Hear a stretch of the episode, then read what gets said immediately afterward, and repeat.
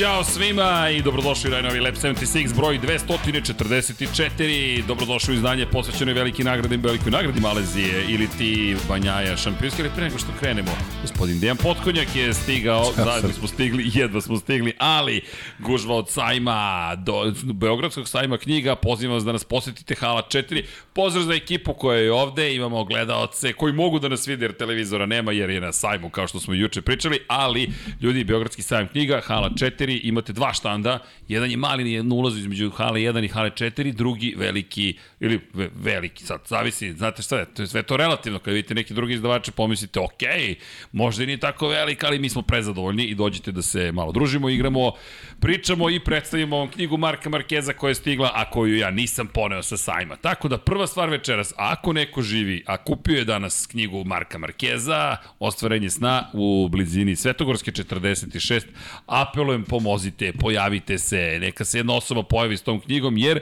od 300, ne, 200 primjeraka koji su stigli na sajam, ja nisam poneo ni jedan. Jer, ukoliko je na sajmu, samim tim i u studiju na kraju univerzuma i tako dalje, ali knjiga je zaista stigla i ponosni smo na nju. De, e, Dejan je upravo negde nestao, a ja se nadam da to znači da ima knjigu sa sobom nekim čudom, ali verovatno nema laptop da gledamo Liverpool. Ok, pa dobro, i to je nešto što... Mo... Jao! Dejan Potkonjak, for the win! Jao, dekite! Evo, ne, drugari, uuu, stigla je i najnovija knjiga u izdanju Infinity Lighthouse-a. Večera smo hteli pre svega pričamo o velikoj nagradi Malezije, pošto sam ja zaboravio knjigu, a zapravo Dejan poneo. Smemo da otvorimo? Mm. Ne. Ok, ovo je poklon, ne mogu da vam otvorim knjigu, ali možete da vidite kutiju makar. Tako da, evo stajaće kutija ovde. Tako da, ali knjiga je zaista stigla. Ko je naručio, počinjemo isporuku kada koleginici iz prodaje? Kada bude stiglo, u, ne, neće da, ne, neće da obeća ništa, ali počinje uskoro. Dakle, trenutno smo na sajmu knjiga, pa ne zamerite, ali iskusno sam znao da će danas stići 26. oktobra 2022. i mnogo smo srećni i ponosni. Hvala svima koji ste nas posetili. Ko nije, svratite ljudi, možete da vozi, vozite. Upoznaćete Vanju, upoznaćete Miksu, Paju, Dekija. Vision Go su sutra od 18.30, ekipa 99 yardi 18.30 u petak. U subotu nadam se da ćemo se skupiti u što većem broju svi. Tako da znate, družit ćemo se. Kako? Petak ćemo biti mnogo ranije, kaže Vanja. Miksa i Vanja dolaze direktno, ne znam sa čega, ali u petak. Biće ranije tamo. Pa će direktno doći na podcast. Eto da znate šta se zbiva u petak. A u subotu vidjet ćemo. Ali ljudi, mnogo lepo, uzbudljivo je i ponosni smo što smo tamo. Htio da najavim epizodu i morao sam da najavim pre toga da je tu prisutan gospodin Dijan Potkonjak koji, koji ne gleda Liverpool ili gledaš na mobilnom telefonu. Sve pod Pratiš kontrolom. sve pod kontrolom, dobro, ali ja sam htio da kažem, večerašnja epizoda posvećena velikoj nagradi Malezije pred posvećenju rundi Svetskog šampionata u motociklizmu 2022. se zove Banjaja šampionski, Enea Bastianini, kako smo rekli, buntovnički i Fabio Quartararo junački, a u pratećim ulogama, u pratećim ulogama, Toni, ja sam najbolji u Moto2 Arbolino, Augusto Fernandez i Ajo Guru, ako padneš ti, pašću i ja. I konačno, John, ne želim da vas brojim, preteći ću svu četvoricu u predposlednjoj krivini poslednjeg kruga i zabeležiti pobedu sa pete pozicije na prvu, McPhee. To vam je uvod zato što je bila nevrovatna sezona. sa 22. na prvu, spektakularna, ne jedna trka, ne dve trke, spektakularne tri trke, pravi festival trkanja. Pre nego što krenemo sa festivalima trkanja, ja ću ponovo da vas sve pozovem na nekoliko stvari.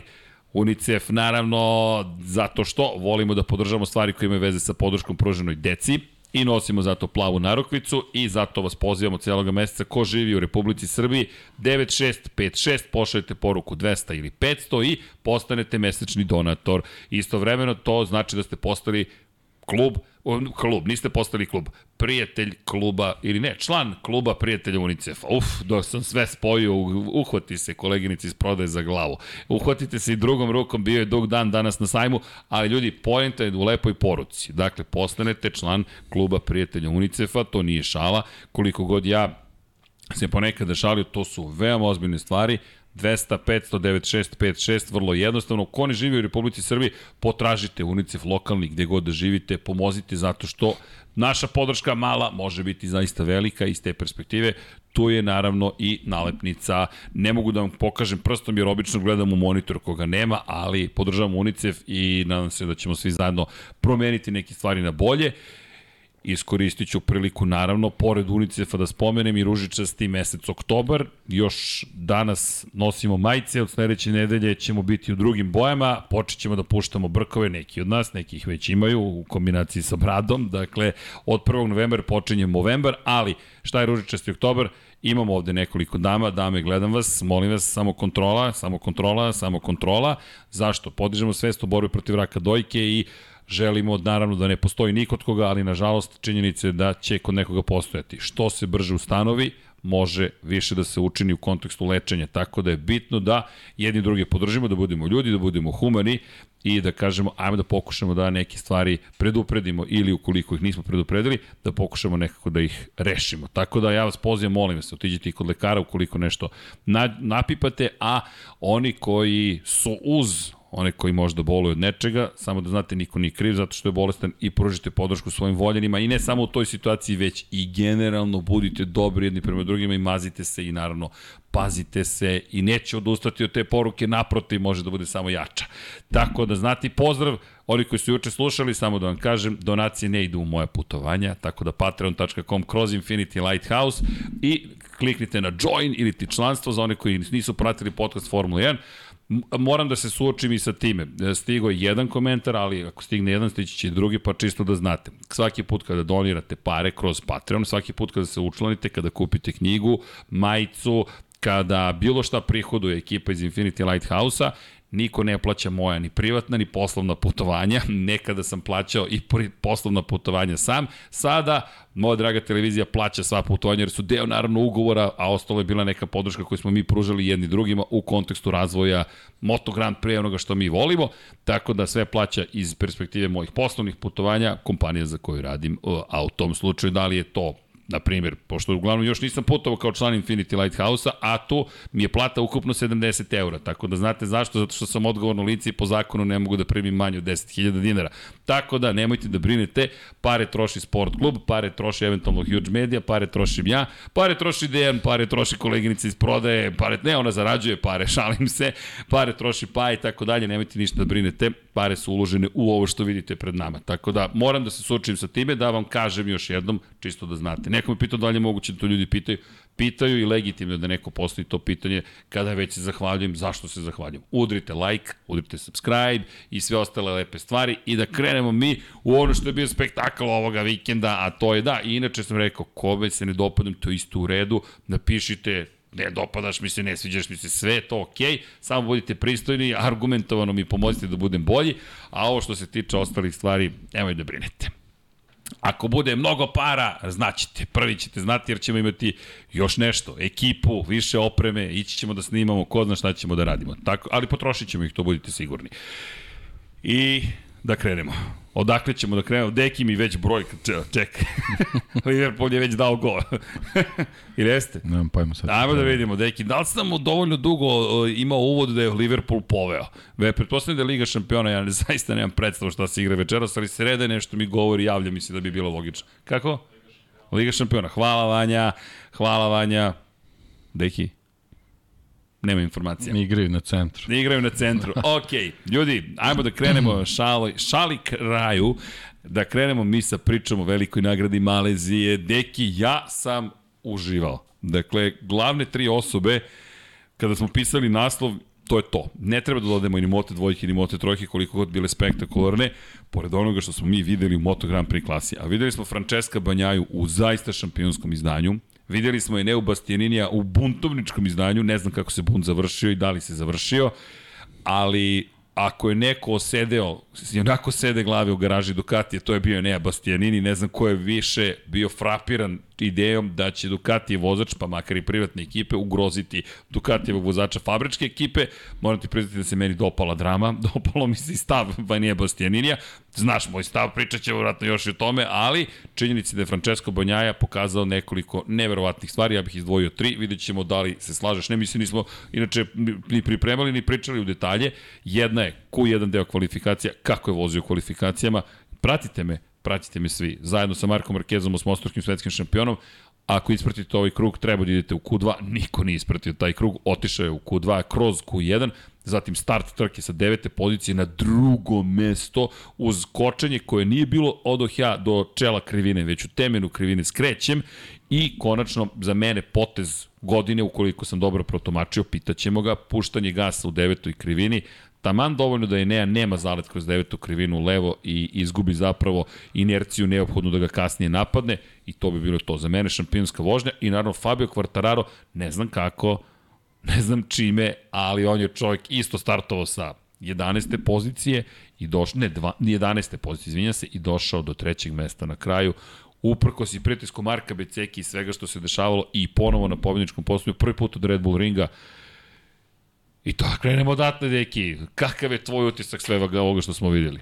Pa, generalno sve si rekao i otprilike to je to, mislim, slažem se s tim. Naravno, ovaj, pre svega vezano za peka.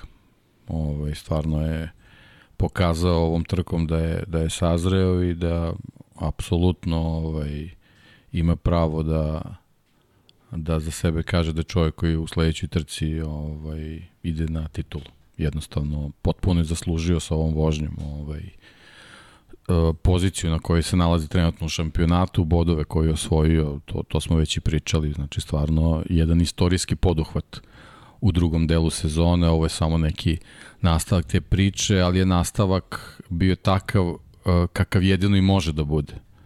Apsolutno nikakav drugi način vožnje, e, nikakav drugi scenario nije dolazi u obzir nego, nego ova vožnja kako je, kako je pružio u. Ja sam, ono, kao što si rekao, zaista uživao, pre svega što smo ponovo došli na još jednu pravu pravu trkačku stazu, što eto dolazimo u nekom periodu godine gde nas neke emocije vezuju za, za Sepang, pre svega mislim na, na, na Sića i, i, i, i generalno je bilo lepo videti da, da, da eto, na, na tom mestu koji ima sad taj neki poseban mototrag se dešava i, i, i ovakva trka i, stvarno sam uživao i pre svega što, što smo konačno videli uh, eto, ruku na srce dvojicu glavnih favorita za osvajanje titule, bez obzira što smo stalno i Eneo stavljali u tu priču i, i Aleša, ipak su Peko i, i, i Fabio bili ti koji su ovaj, bili najozbiljniji kandidati da, da, da do samog kraja ostanu u borbi za titulu i eto, mislim, pružili su uh, maksimum koji su mogli i stvarno ovaj, nema šta, ona, prava, prava motogram pritrka kakve smo, kakve smo očekivali da, da, da imamo i tokom čitave godine, nekad jesmo, nekad nismo, ali generalno eto, ostaje samo da se nadamo da će tako i da nastave, da ćemo u sledećoj sezoni imati baš takve trke, a nekako mi deluje da će tako i da bude. da, ti se čini da će pa, kolege da, biti da.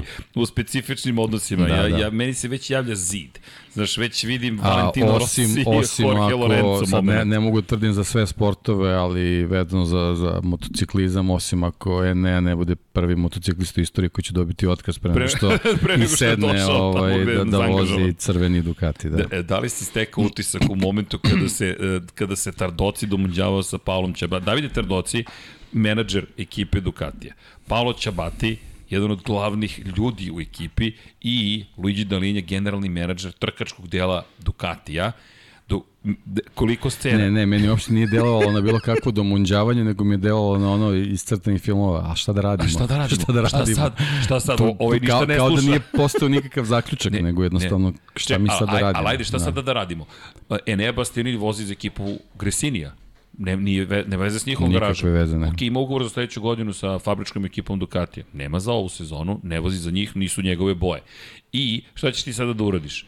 A pričamo o tome, imate slobodu, znamo da su bliski odnosi, znamo da je blizak odnos Ducatije, fabričke ekipe sa svakom satelitskom ili privatnom ekipom koja koristi Ducatije motocikle, ali šta ti radiš? Ti si sada menadžer jednog tima, mnogo je bitno da razumemo razliku. Fabrički tim je tim Fabrika proizvodi motore. Gresini je neki drugi tim. Hoćeš ti sada kao čovek koji je menadžer ove ekipe da očetaš u garažu druge ekipe i da kažeš ajde stavite mu tablu u neko drugo. I želim da vidim Nadija u Padovani, da joj se obratiš tim tonom. Mislim da bi te u Italiji razapeli bukvalno. Podržat će te do kraja. Osim da uđeš kod Udovice i kažeš, aj molim te skloni do ovog tvog vozača. Sad ne možeš da uđeš. Ne, znaš šta je, šta je šta poenta, što to ime Gresini ima mnogo veću reputaciju nego ti momci u Ducatiju.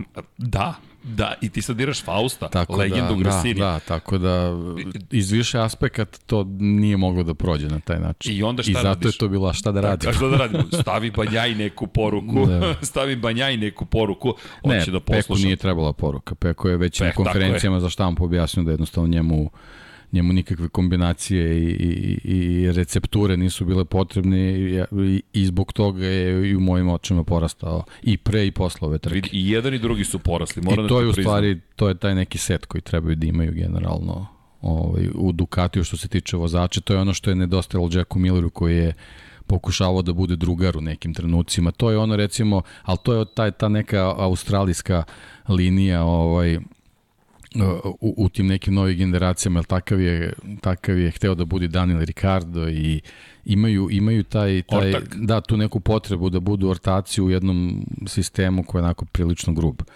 I, i, i na, kad, se, kad, se desi, kad se desi da, da, da na prvom koraku neku, neku svoju ideju ne možeš da ostvariš zbog tog pristupa, onda to krene lančano i, i ovaj, mislim da, da Enea nema drugi način nego da se da se ovaj nametne ovako kako to radi. Ali ali ali meni je Enea zajedno sa Banjam i sa Kvartararom resetovao Moto Grand Prix.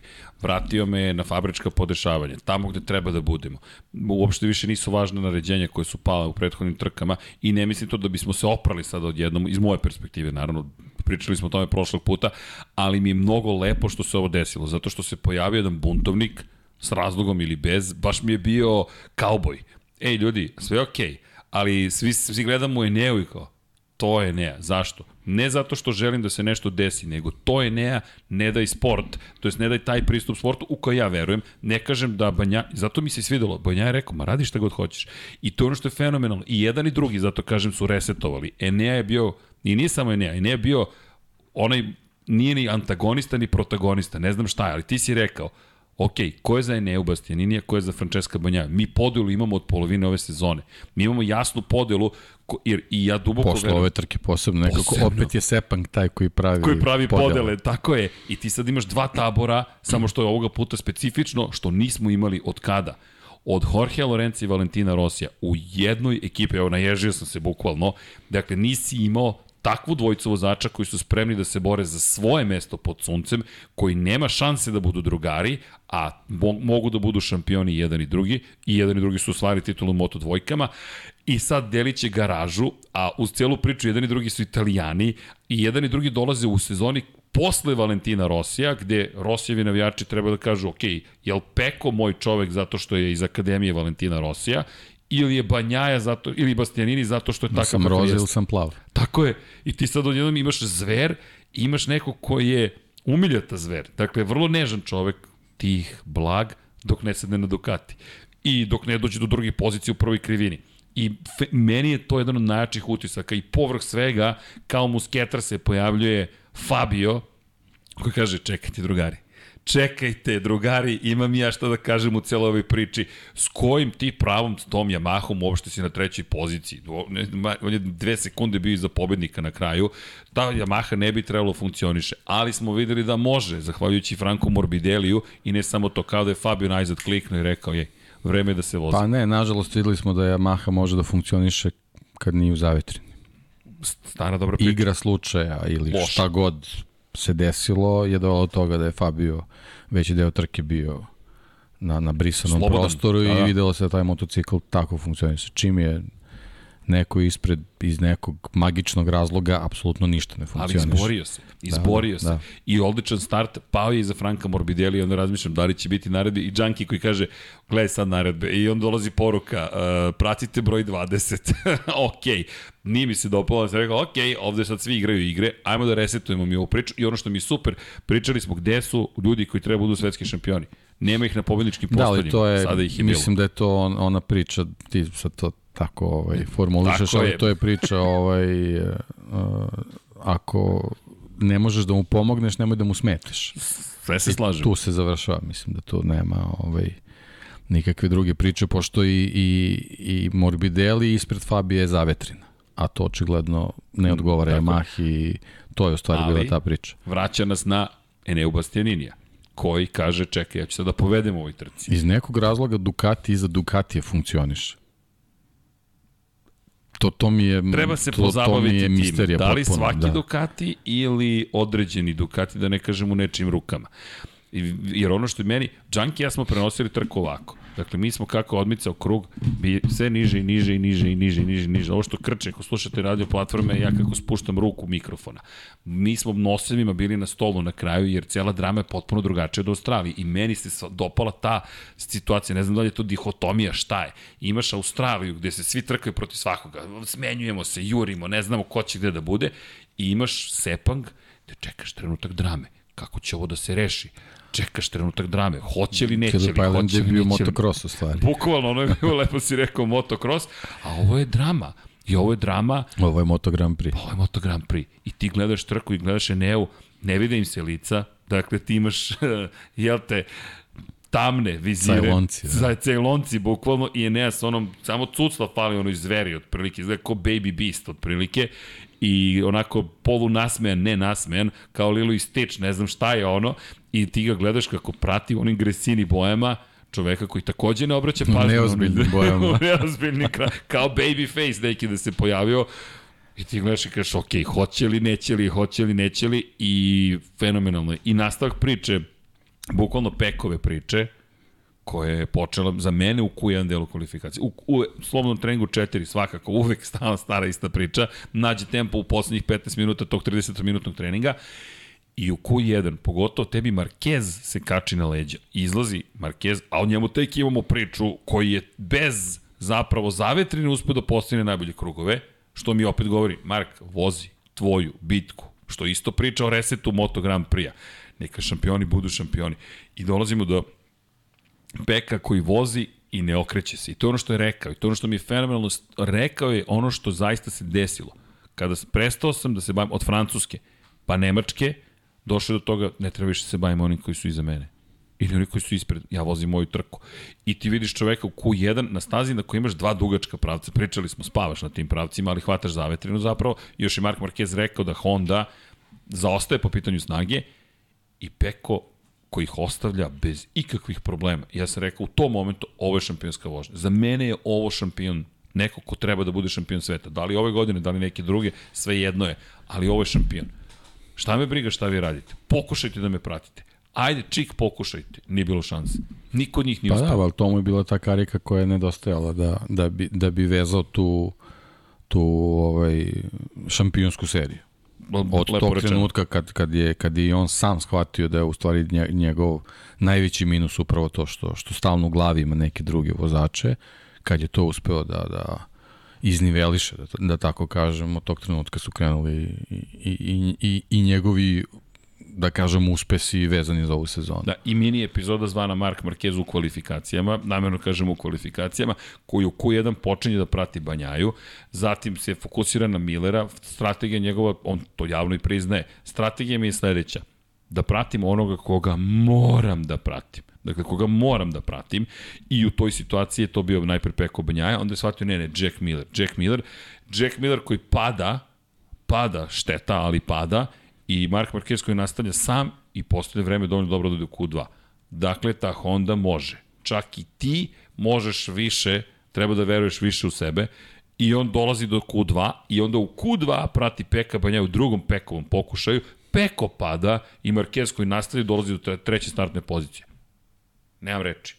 I on koji je rekao kako si ovo izveo, nemam pojma.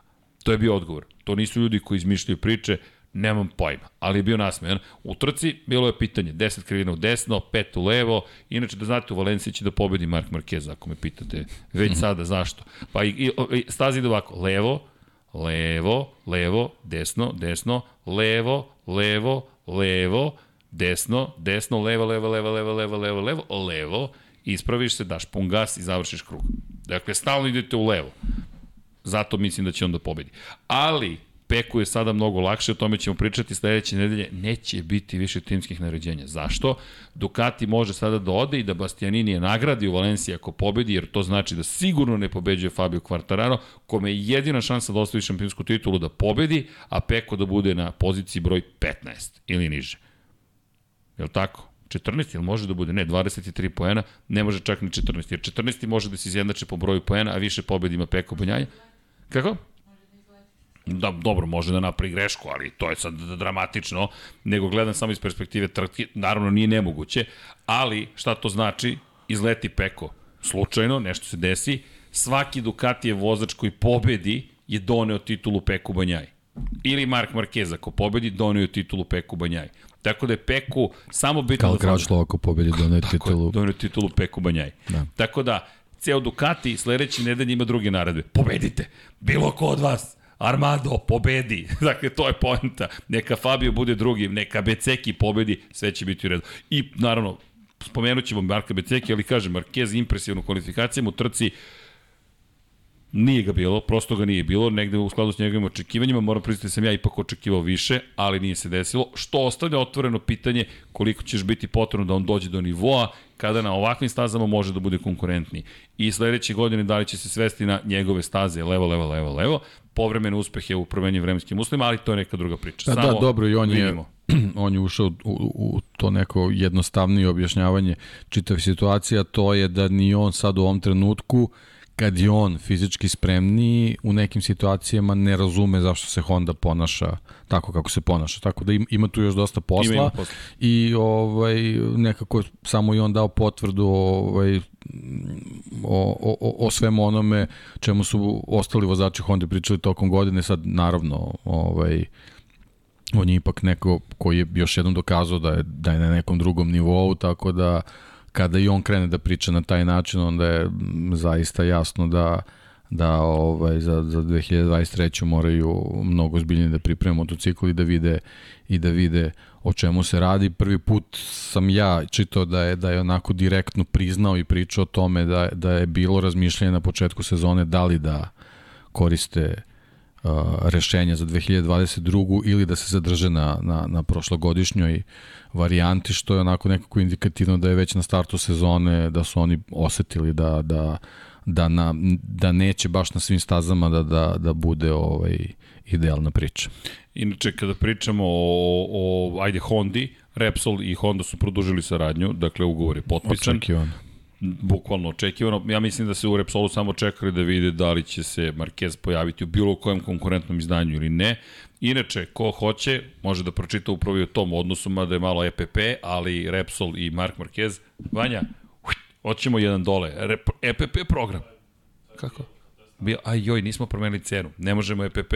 Ali 3193 dinara i dalje je popust sajamski online kod i kupi Mark Marquez knjigu sada na shop.infinitylighthouse.com. Do nedelje traje još jedan popust. Ko je kupio pretprodaj, kupio po najnižoj ceni, 2793 dinara, sada je 3193, a onda će biti 3993.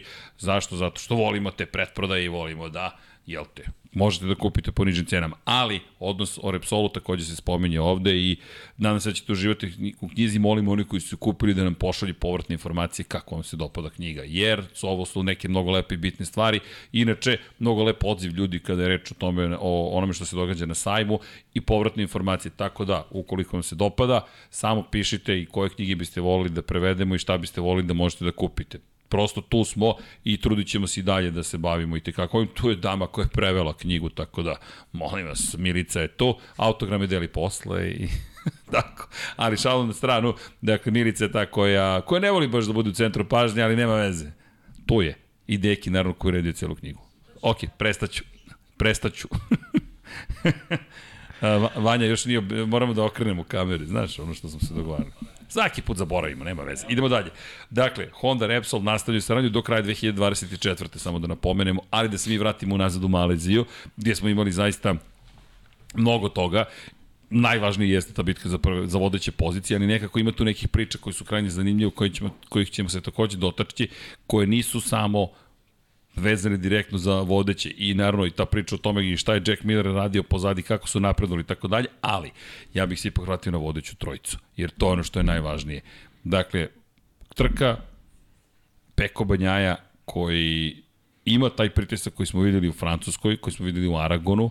U Aragonu izgubio duel protiv Bastianinija, pobedio je Beštija, pobedila je zapravo Beštija, pao je Banjaja u Francuskoj pod pritiskom Enije Bastianinija, sada niti pada, niti bilo čega sličnog, Bastianini napravio grešku, otvorio prolaz zapravo, bukvalno otvorio prolaz Peku Banjaji, Banja je to iskoristio u poslednjem krugu, taj moment u krivini broj 9, koji za mene majestralno, ukoliko sam ga, kažem, dobro protumačio, ali delim da Dobro, da, ali to je, to je, ovaj, svi vozači pribegavaju ovaj, da kažemo, tom triku, da ga tako nazovem, zato što jednostavno remetiš izlazak iz krivine. Vozaču koji je iza tebe i to je onako uh, legitimna stvar s tim što ovaj nekad može da se desi da, da se ne završi baš tako, tako dobro, tako da to je samo u stvari bio još jedan dokaz koliko je Peko bio samouveren na čitavoj trci i kažem to je to je nešto što je što je jedna karakteristika koja ga nije ovaj uh, baš ovaj, karakterisala u, u, u prethodnom periodu, osim one trke u Aragonu i, i, i Jurnjave sa Markom Markezom prošle godine. Ovaj, sve ostalo kad su se trke dešavale i razvijale na taj način i nekako je zaključak bio da nije ovaj, sporno da li će Peko da, da padne nego kad će to da se desi. Međutim, sad već posle ove trke vidimo da A pao je izvinio kvalifikacijama. Da. Ono što je meni super da. u celoj ovoj priči u Japanu je pao, ali ja sam bio siguran da je to Da, ali to je ono što Marquez drugačije. priča. Treninzi i kvalifikacije su tu da se pada, na trci se to ne radi. Da, ne, tu je sad pomerio granicu dalje. Ok, našao sam na kvalifikacijama i u momentu kada ti voziš trku, ti pretpostavljam da neće mnogo bolje znaš gde ti je granica. Pogotovo što kada na pričamo o Red Bull ringu isto je tako bilo. Tako. Jeste. I opet u trci tamo gde treba da bude, tako na prvoj poziciji u toj je, situaciji. Je. Tada je pobedio Fabio, Fabio koji ga je sustizao u poslednjem krugu, odbranio se, Fabio je nevjerovatan potez na Red Bull ringu, ali okej. Okay. I sad dolazimo do sledeće situacije, a to je da postavlja se pitanje da li je Bastianini popustio ili nije popustio, to jest da li je prihvatio naređenje neko, skriveno, uvijeno, direktno, mislim, kako god. Mislim da nije, da nije popustio, nego samo bio oprezan. Mislim da je to ovaj, ipak nije, nije on neko ko grlom u jagodi ide kroz, kroz sve te situacije, ipak on, on, ovaj, on je još u, u, u, u, u sezoni kad je u Moto dvojkama osvajao titul pokazao da prilično koristi mozak i da, da, da, je, da spada u grupu tih vozača koji onako imaju, imaju taj neki ugrađeni računar u glavi koji, koji tokom trke procesuira mnogo podataka, tako da mislim da nije da je sve bilo prokalkulisano dosta dobro i da mislim da nijednog trenutka nije želeo da, da ulazi neke pretirane rizike, posebno u nekim situacijama gde, gde ta razlika između njih dvojice nije bila toliko velika da je bilo koji manevar mogao da bude čist i, i, i da, da se tokom njega ne desi nešto nepredviđeno. Tako da mislim da, da je čitavo, čitav taj finiš što se tiče ne mogu, bi mogao da se podvuče kao, kao nešto što je onako uh, sprovedeno sa dosta opreza. Bez da, obzira što, što nije delovalo tako. To je lep opis, ali ja moram ti priznati da, okej, okay, ali ima tu nastavak, mislim da nažalost se nije učitalo ono što treba. Kod tebe je neki drugi zapravo. Pronađi gde je Gresini Racing odgovor, molim te. Inače, ovo je zvanični tweet Repsol Honda, I da, neko je tu, o, ovo nije pojenta cele priče, a treba nešto drugo je pojenta onoga što sam htio da, da uradim. Kako? Da ti pa screenshotuj, može. Ok, Vanja. Hvala, ali ovo mi je bilo danas zanimljivo šta se dešava zapravo na društvenim mrežama, ali možeš da skloniš ovo slobodno, pošto poslaću ti ja screenshot, nemoj ništa da brineš. Dakle, poenta je da, da, smo, da, da se ovo nastavilo zapravo i malo van svega i, i dobili smo celu priču između zapravo i Gresini Racing i Repsol Honda. Repsol Honda koja je tweetovala, e, upravo smo se probudili i shvatili da imamo još jednu trku do kraja gde je odgovorio Gresini Racing, trebalo bi da budete srećni što se sezona završava, da bi na to zvanični nalog Repsol Honda odgovorio šta su vaše naređenja za ovu nedelju. Da bi na sve to odgovorio, pošto je engleski jezik, hvala, uh, what's the orders for your Sunday, ali ima tu još jedan, je bilo order paelja i sad kao nema naređenja za nas, nego je ovo naručbina od paelje i 25 bodova ili ti pobedit ćemo. Tako da se nastavila tuča, da kažemo, na jedan zanimljiv način. Inače, na sve ovo se nakačio Aruba i te Racing Ducati tim iz svetskog šampionata u Superbajku, ali ne mislim da se tim, već oni koji upravljaju društvenim mrežama se divno zabavljaju i onda se i Pata Yamaha uključila u cijelu ovu priču i to je baš otišlo dosta daleko, pa dobro, što je super lep zabavno. Je povod, da, lep da. je povod, ali ono što mi se super, što mi se dopalo Repsol Honda koja tweetuje nešto potpuno izao, Gresini Racing koji nema problema, mi ćemo da napadnemo i fabrički tim Ducatija, bum, a napašćemo i Repsol Hondu, bum. I ti kažeš, ok, ovi ljudi su zaista buntovnici u cijeloj ovoj priči. Kao neki poslednji buntovnici, moram priznati mi se dopada, jer Nadija Padovani tako vodi ovu ekipu i dopada mi se. Ne znam kako će se Alex Marquez uklopiti u tu buntovničku atmosferu, ali držimo palče, nadam se da će biti baš taj koji će reći, ok, ajde da nastavimo s ovim, ako ne uspe on, Fabio Di Antonio cenim da se savršeno uklapa u filozofiju koju ima Cresini Racing, ali ok, moram sam ovo da iskoristim, prosto je bilo suviše zabavno. Ali slažem se s tobom, mislim da je bio oprezan, doza, čini mi se, suzdržanosti kod njega i videlo se da na kraju trke da je da, ok, prihvatio drugu poziciju, ne najsrećniji, nije prihvatio drugu poziciju, već rekao, ok, razumem situaciju, ali ja jedva čekam da ih vidim sledeće godine, zaista. Ja jedva čekam da vidim kako će Čabati, Tardoci i Dalinja uopšte da se ponašaju u momentu kada sedi tu Enea Bastianini, pri, pri čemu Rigamonti dolazi sa njim, koji uopšte nije štedeo Tardocija, iako je Tardoci neko koga je zaposlio za sledeću godinu, iako mu Tardoci daje motocikle ove sezone, Mar Mirko Rigamonti koji je rekao, Marko Rigamonti koji je trenutno sa Žanom Zarkom koji će raditi sa Bastianinim sledeće godine koji uopšte nije bio zadovoljan na Tajlandu. I ja jedva čekam. To je kao rat Rouzovih, bukvalno, da ko nije gledao film, stari film, ali kao bračni par koji svađi. A, o, o, I lepo si rekao, da li će Nea Bastianini postati prvi otpušteni a, profesionalni vozač pre nego što je a zapravo započeo svoj angažman, zato što je nešto nekako vozio, a ne prekršio neki pravilnik. Ne znam, ali saznaćemo. Ma, jedino što je sigurno, mislim da je poruka primljena. Poruka je primljena. Jer on je, on je uradio što je trebao da uradi. E, e, bilo je što se njega tiče, to smo pričali pre nekoliko podcasta, jako važno kako će se ući u sledeću sezonu, to je da li će uh, Banjaje da uđe kao šampion ili, ili ne zbog te startne pozicije obojice. Međutim, mislim da od ove trke to više nije važno. Peko će, nije važno. Peko će verovatno sledeće godine nositi broj 1. Ali to nema veze. Velika je verovatnoća, ali mislim apsolutno da apsolutno neće imati nikakve e, veze. E, Nea Bastini ni sve resetovo. Posebno što sledeće godine imamo 42 trke, tako da... da, imamo 42. Op, danas smo o tome diskutovali. Da. 42 trke i dalje ne mogu da se osvestim da ćemo subotom imati trku svake subote i svake nedelje. 42 trke i zaista kada pogledaš poene, dokle ćemo dođemo do 1000 poena. Danas smo s Pajom bili na sajmu i Paja pita da li je u istoriji neki vozač uspeo da nadoknadi veću razliku od ove. Ne. 91 poen je zaostajao Peko Banjaja u odnosu na Fabio Kvartarara polovinom sezone. On trenutno čovjek ima prednost od 23 poena. Fascinantno. Fascinantno na svaki mogući način. Ti okreneš 114 poena, to je besmisleno. Mnogi vozači ne dođu do 113 pojena kamoli da nadoklade za ostatak za nekim ko je svetski šampion i brani titulu. I u tom trenutku dominira. Da, ali mislim moramo onako da budemo uh, uh, realni do, do kraja. Uh, Fabio zaista imao nekoliko nesrećnih trka, a, a, a sve je počelo sa tim ovaj, sa tim Asenom. Naravno, Asen je lančano ovaj, doprineo lošem izdanju u, ovaj, u Silverstone, onda se desio taj Aragon, tako da ovaj, to su neke trke da bi možda eto, za, za, za neku ne mogu sad kažem možda ni desetinu bodova bilo više, ali ali generalno bismo ovaj uh, možda imali neku neku situaciju koja bi bila sad malo i neizvesnija, samim tim bi imali fantastično ovaj finale, ali ali nekako, nekako i njegovo, njegovo ovaj, ponašanje, mislim na Fabija, ovaj, kao, kao da mu je laknulo, laknulo ovoj čitoj priči uh, iz prostog razloga što je prosto neverovatno šta mu se sve izdešavalo uključujući sad i ovu povredu prsta koji ima da danas sam nešto da pročito sam da, da će morati na operaciju da na kraju sezone što znači da, da, da će poslednju trku definitivno voziti kao, kao povređen motociklista, tako da ovaj, stvarno mu se svašta, svašta izrešavalo za nešto i kriv za nešto, jednostavno.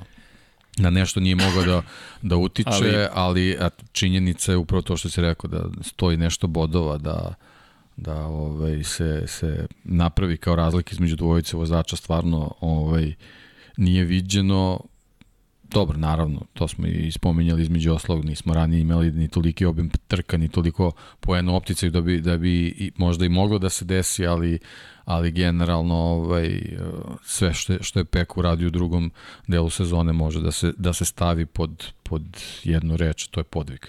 Zaista ovaj, izuzetno izdanje i, i, i uh, izuzetna posvećenost i, i koncentracija da se uh, da se ustremi ka cilju koji u jednom trenutku stvarno delovao kao, kao potpuno nemoguća misija.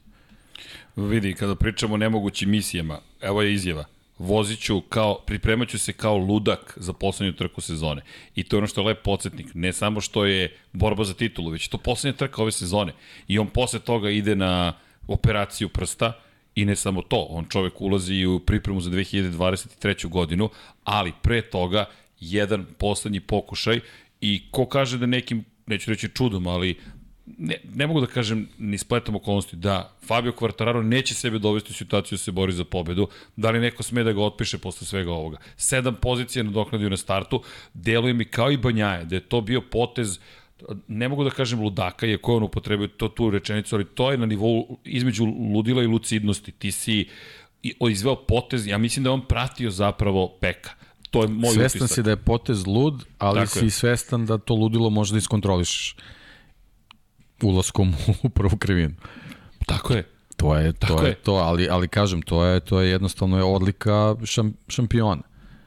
Vidi. Je, to je to je jedino mesto gde gde trebaš da se pojaviš u toj prvoj krivini i ne, ne, ne postoji bilo šta što treba što može da te da te odvrati od toga i meni je to onako stvarno fascinantno uh, uzimajući obzir kako smo do sad gledali kako Peko, Peko Banjaje razmišlja pristup određenoj trci i, i nekoj situaciji na samoj stazi ili, ili ponašanju vezano za, za poziciju u plasmanu i tako dalje i tako dalje. Ovo je bilo stvarno apsolutno bez, bez jedne ne mogu da kažem greške, nego bez... bez Znaš kako meni izgleda? Mini remek delo. Mini remek pa, delo. da, da. Znaš, ne mogu da kažem da je remek delo zato što nisi pobedio, ali mini remek delo. U okviru ove cijele priče ti si izveo nešto, ili da li si očekivao da će on biti na toj, da će nadokniti 7 pozicija na startu? Ja sam verovao u sve, ali 7 pozicija ne. Pa posle one opreznosti o, u, na Phillip Islandu, delovalo da će možda i u ovu trku ući na, na taj način.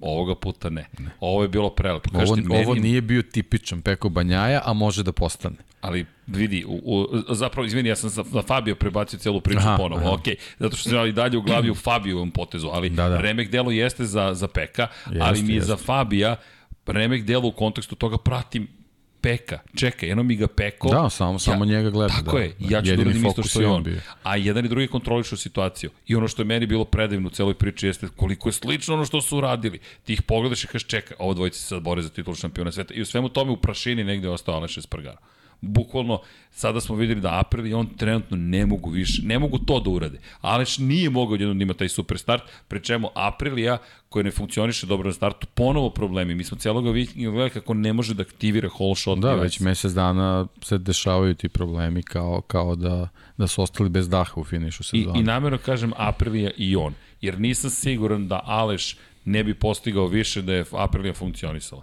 U sve greške. Ne, I ne govorim šta bi bilo kad bi bilo. Samo bih voleo da nekako jasno istaknem moju veru samo u to da mislim da je mnogo veća odgovornost na Apriliji u ovoj situaciji nego što je na njemu.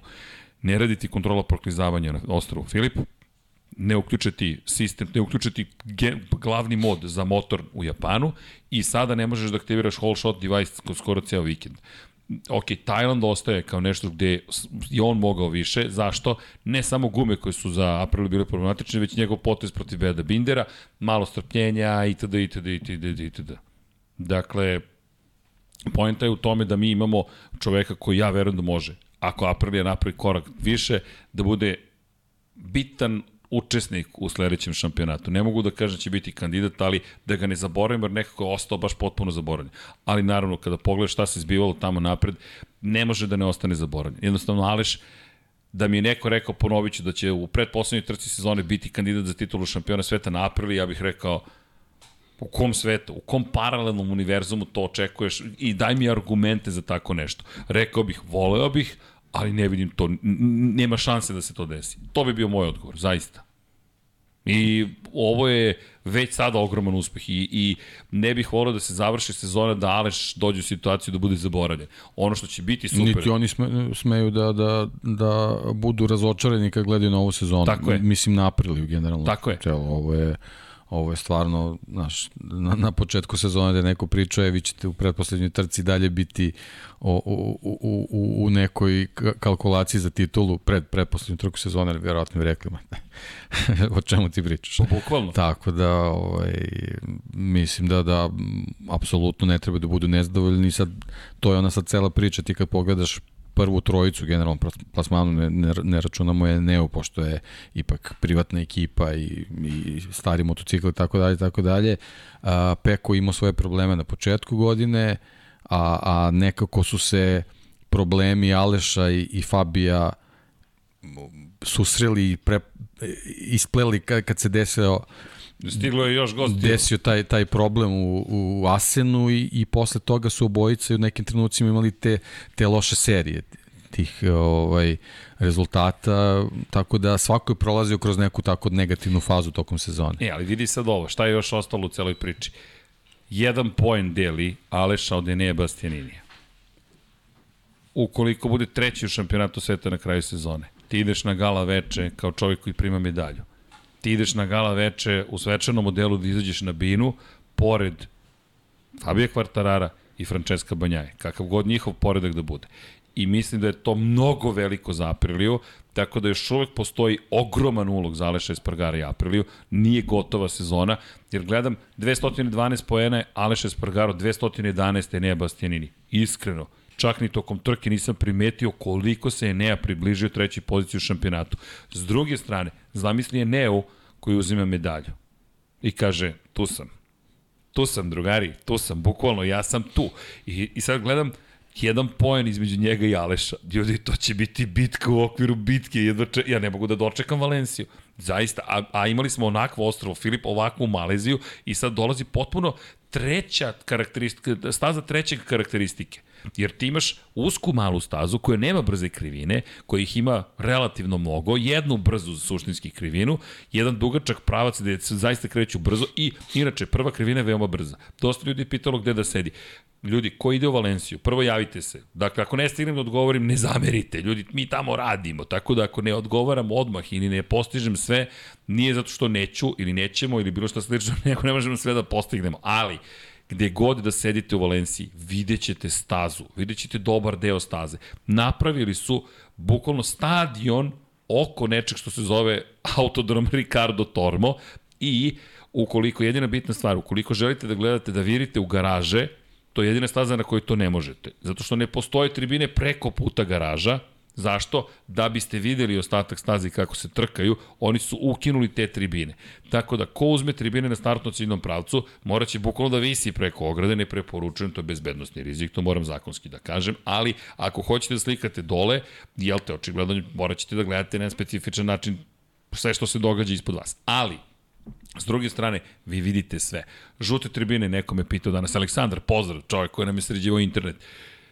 Žute, super tribine. Zašto? Prolazi prva krivina, ideš na drugu, vidiš i treću, vidiš i četvrtu. Nažalost, često padaju u četvrtu. Tu ima puno aktivnosti. Slavi se često na poziciji krivine broj 2, tako da gde god ipak da odete, bit će vam super zabavno. I ja jedva čekam, ali da se vratim na priču, to je kratka staza koja, na kojoj jedva ima prostora za Moto Grand motocikle.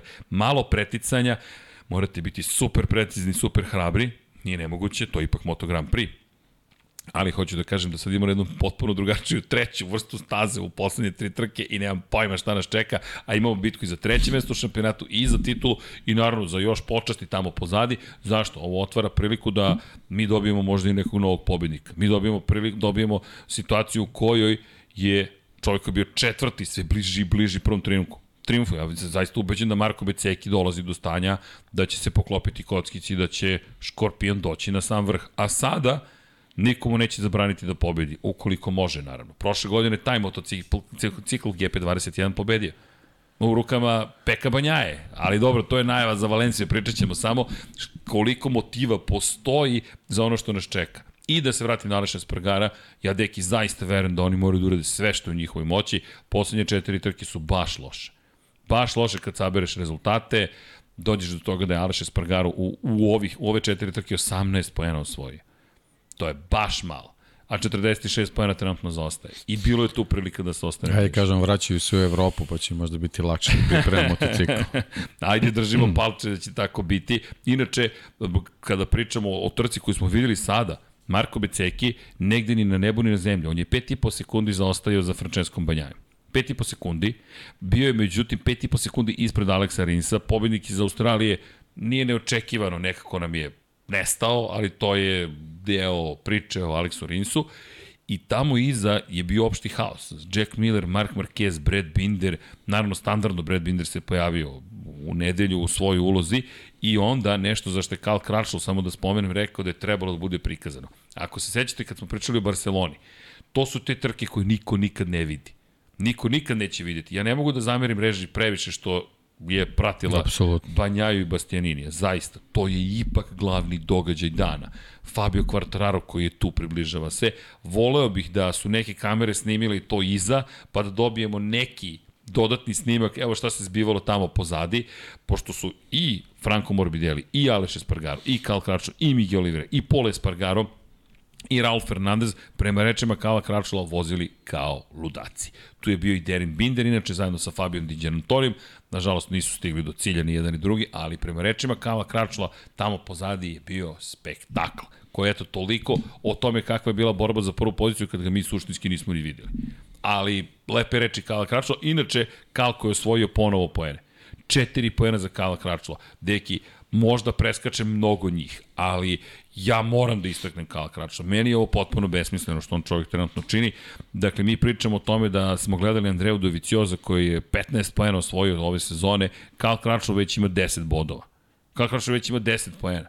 I sve više osvaja bodova. Dakle, prva trka 14. druga trka 15. pa bez pojena, pa 13. pa sad 12.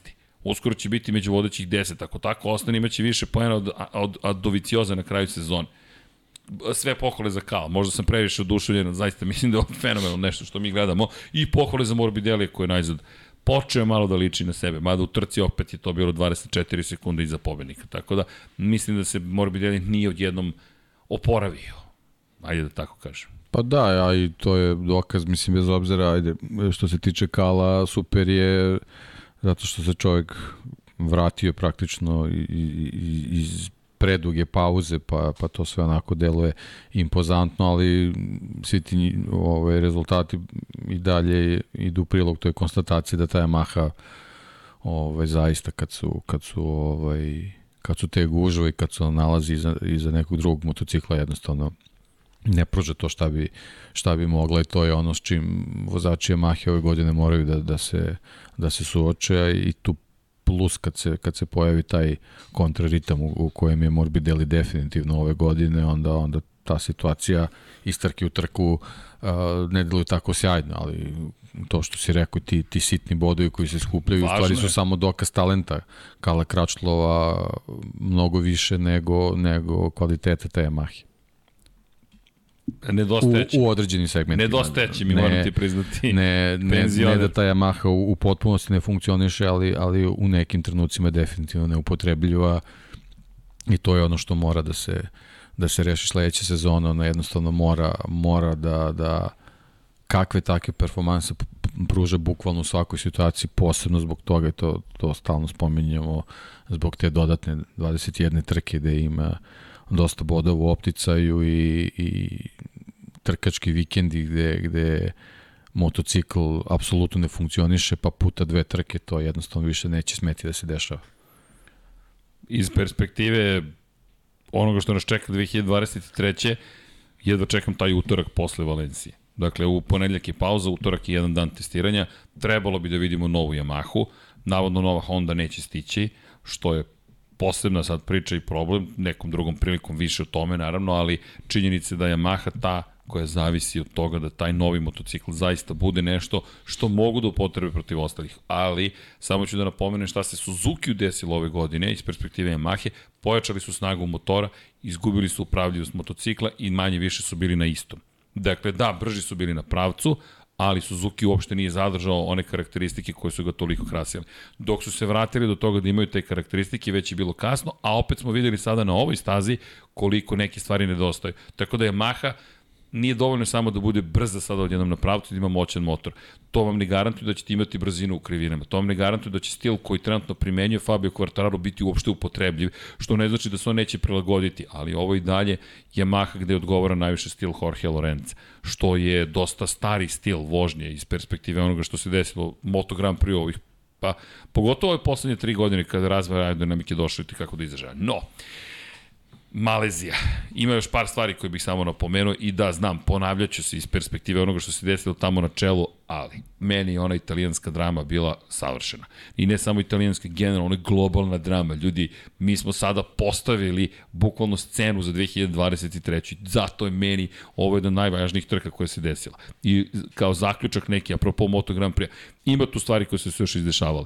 Ali mislim da je najvažnija stvar zapravo bukvalno to – da li će se neko sećati bilo čega osim trkanja posle velike nagrade Malezije? Ja ne. Da, bit će priča različitih o Ostrovu Filip, o pobedi Aleksa Rinsa, o tome kako se Marquez vrati, imao pol poziciju po kiši, svašta se tu dešavalo, ali kada pogledam, makar ja, iz šire perspektive šampionata, meni je ključna bila ova velika nagrada Malezije. Zaista mi je baš podigla Moto Grand Prix na onaj sledeći nivo koji smo i čekali nekako. Na sledeći a stari. A sledeći a stari, baš lepo rečeno baš bukvalno čitaš mi misli. To je ono što smo hteli, to je ono što smo dobili. I ti sad ulaziš, mi, mi ulazimo u 2023.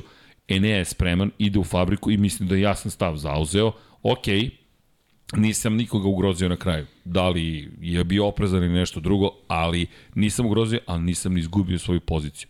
Njegova pozicija nije oslabljena, naprotiv, njegova pozicija je još jača, jer na osnovu komentara vas gledalaca, imam utisak da je Nea dobio još više pristalica ovoga vikenda.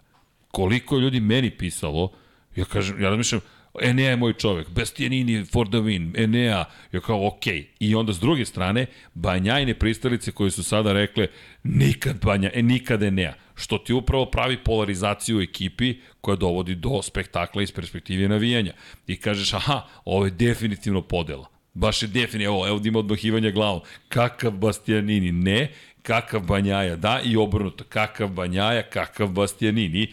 I onda, pazi sad ovo, ko postaje matorac?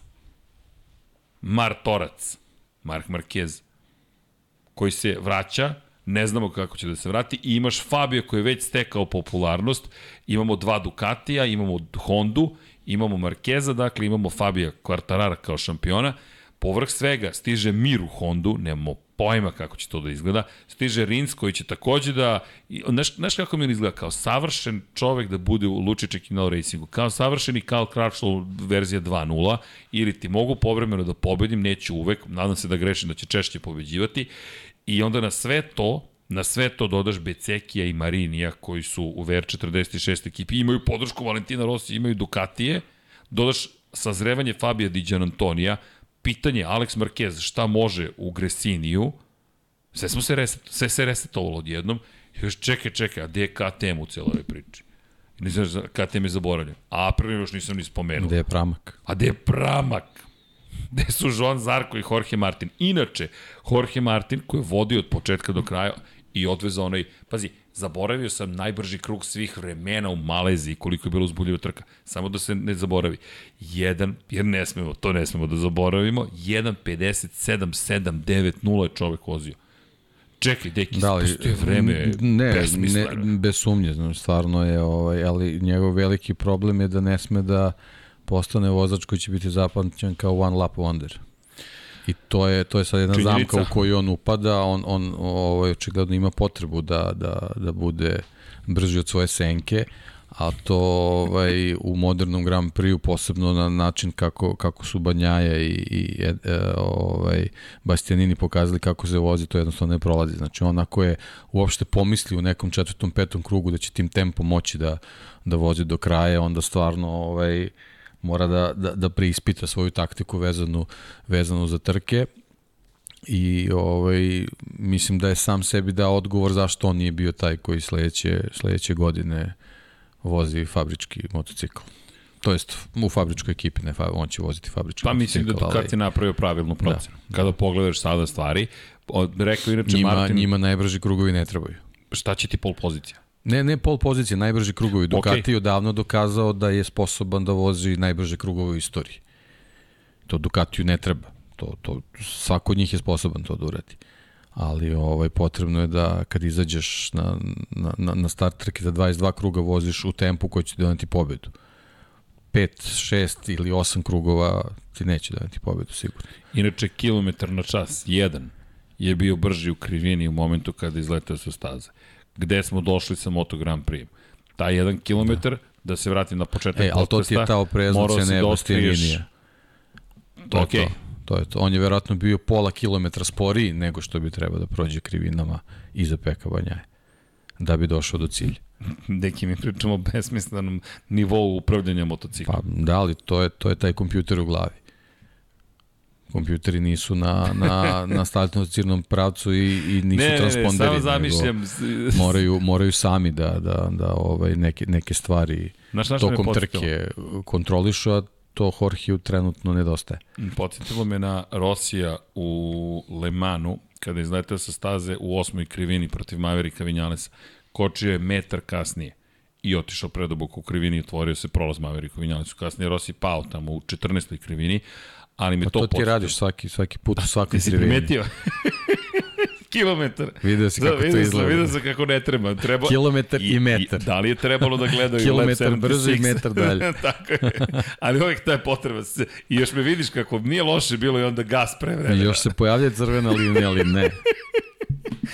ja dodajem gas, pa vidi neki, moraš da nađeš granicu, ja ću je naći. Moraš sa Martinatorom da kreneš iz Moto Trojki, iz Moto trojki. da zajedno napredujete sledeće godine. Ajde, zajedno se da ću napredovati. Ali da, ima puno tu još posla za njega. Ali opet, ček. Ne, brzina je tu, definitivno sve ok, okay, sve u redu. Pazi, četiri desetinki je bio brži od drugoplasiranog u kvalifikacijama. Pa zaslužuje makar mini medalju za to što je postigao. Gledam one kvalifikacije i razmišljam šta sad da kažem, u, u pola sekunde ono, jedan vozač. Onaj, šta? Zlatni evro čokoladica. Zla... pa što, što napisa, jel te, što, ajde, imamo i sad na sajmu knjigu, jel te, četvrto besto, biti četvrti kao knjigu, kao, kao, kao, kao koncept. Znaš, to je, baš smo bio Čepa ja pričali o tome, ti vežbaš ceo život, treniraš, odričeš se, budeš četvrti na olimpijskim igrama. N niko ne pamti. Ti pamtiš, ali ti si sve uložio i šta sad da zameriš čoveku što je bio četvrti na olimpijskim igrama. Teško, ali nema medalje. Boli. I zato isto Aleš Espargaro. Ne možeš da budeš četvrti, a bojim se da se više ne pitaš.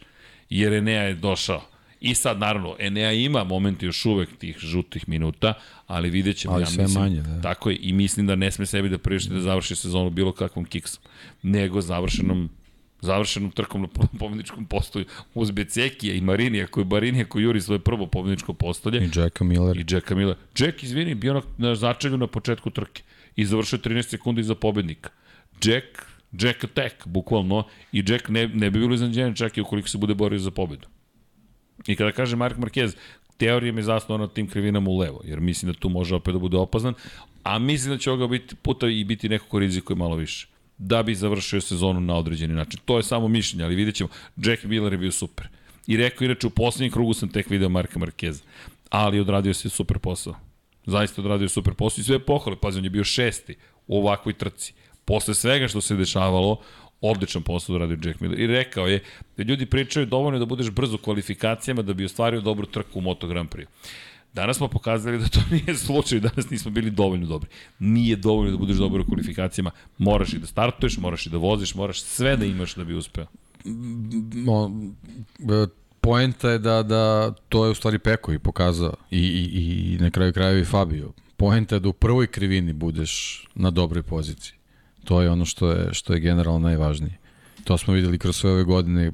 Suzuki najveći problem ima s tim. Oni ne mogu da se izbore da, da nekako u početnim fazama trke budu, budu u vrhu. Kad se to desi, kao što se desilo na Phillip Islandu, vidimo da, da, da i oni imaju mogućnost da se, da se bore za pobedu, ali ta prva krivina je ključna. I to je ono što smo pričali prva tri startna reda, bitno je da si tu da bi mogo da se nadaš dobrom, dobroj poziciji kod prve krivine. Što opet rezultat koji je postigao u celoj ovoj priči Fabio Quartararo čini još većim zato što čovek nije bio u prvi proti startna bio je 11. Ne, bio je 12. 12. Da. bio poslednji u kojem delu kvalifikacije. Da, dobro, uh, generalno konfiguracija Sepanga i, i ona, ona, ona širina startnog pravca omogućava da jednostavno pronađeš putanju, da, da, da se izboriš tu, tu poziciju, ali treba je pronaći i treba je iskoristiti, ni, ni to baš tako jednostavno. Da, i nekarakteristične greške Marka Markeza, kada ga je napao zapio Fabio, Fabio Quartararo. Imao je sreće Fabio Quartararo. To je detalj koji mi je zapao za oko, jer ka Marquez očekivao sam zaista više, pravi grešku u momentu kada, ga, kada je neko iza njega i to baš na mestima na kojima su se tri godine ranije potukli u malo. To jest, Mark Marquez je pratio Fabio Quartarara čuveno prebacivanje preko upravljača i upravo tu u prvoj krivini odlazi preduboko Mark Marquez, prolazi Fabio Quartararo. Gotovo bez borbe dobije I to je bio moment sreće, jer da je ostao zaglavljen za Marqueza još koji krug, pitanje da li bi se oslobodio Becekija jer Beceki je bio u naletu i Beceki u tim prvim krugovima da ga je sustigao i pretekao, rekao Marko Beceki, ja sam ljudi dao sve od sebe. Dao sam bukvalno sve od sebe, ne bili, ne bili stigao Fabio Quartarara, ne bili pretekao, nije prosto uspeo, tako da mislim da tu imao moment koji ti je potreban, potreban da, da stvoriš svoju sreću, jer Marquez i dalje bio ispred. Ali se samo otvorila su se vrata i, i nastavio dalje Fabio Quartarara. I opet, oduševljen sam u potpunosti kako je vozio i završio bih tu temu zato što možemo da pričamo u krug, bukvalno trci koja se desila ono što mene oduševlja u celoj priči, kažem ti, nekako Moto Grand Prix, zdravlje. I znam koliko ljudi mi je prišlo tog dana i, i bi na sajmu. Tu si. Nisi otišao da spavaš. Ko će da spava posle ovoga? Ljudi, nema tu spavanja. Pa kao krenuli ste u šest, pa da smo krenuli u dva ujutru, ne možeš da spavaš posle onog. M, imaš ostrovo Filip sedam dana ranije, M, dobiješ sepag u onakvom izdanju. E da, jedina bitna stvar, nisu bile popunjene tribine, to nisu bile rasprodate ulaznice. Opet, Tri godine nas nije bilo COVID, Valentino Rossi odsustvo, itd., itd., itd. I dalje se postoje pitanje, ali ja mislim da će se publika vratiti sledeće. Mislim da nije toliko velik problem kao što izgleda, mislim da je dalje jedna prolazna faza. Pa dobro, Sepan generalno, sećaš se još od, od prvih trka i onih zmija i kiša da, i svega. Je bilo zabavno. uvek je da, ali uvek, je, uvek su postale neke rupe na tribinama, tako da... Ma da, poslednji put je bilo to, dosta pa, ljudi. Pa dobro, da, da verovatno se desi to, ali, ali nije poznata kao staza koja je krcata. Znaš što je meni tu fascinantno? Bilo je više gledalaca za Moto Grand Prix nego Formulu 1. I Sepang je otpustio Formulu 1, ne obrnuto. Sepang je rekao, mi nećemo da produžavamo ugovor. Mislim da neko u Sepangu trenutno nije uopšte srećen zbog toga. Kakav preokret se desio za ove četiri godine od kada su, kada su povukli taj potet. Ali dobro, pohvale za stazu i dalje mislim da je ovo najbolja tilke ova staza. Zaista, stojim pri tome.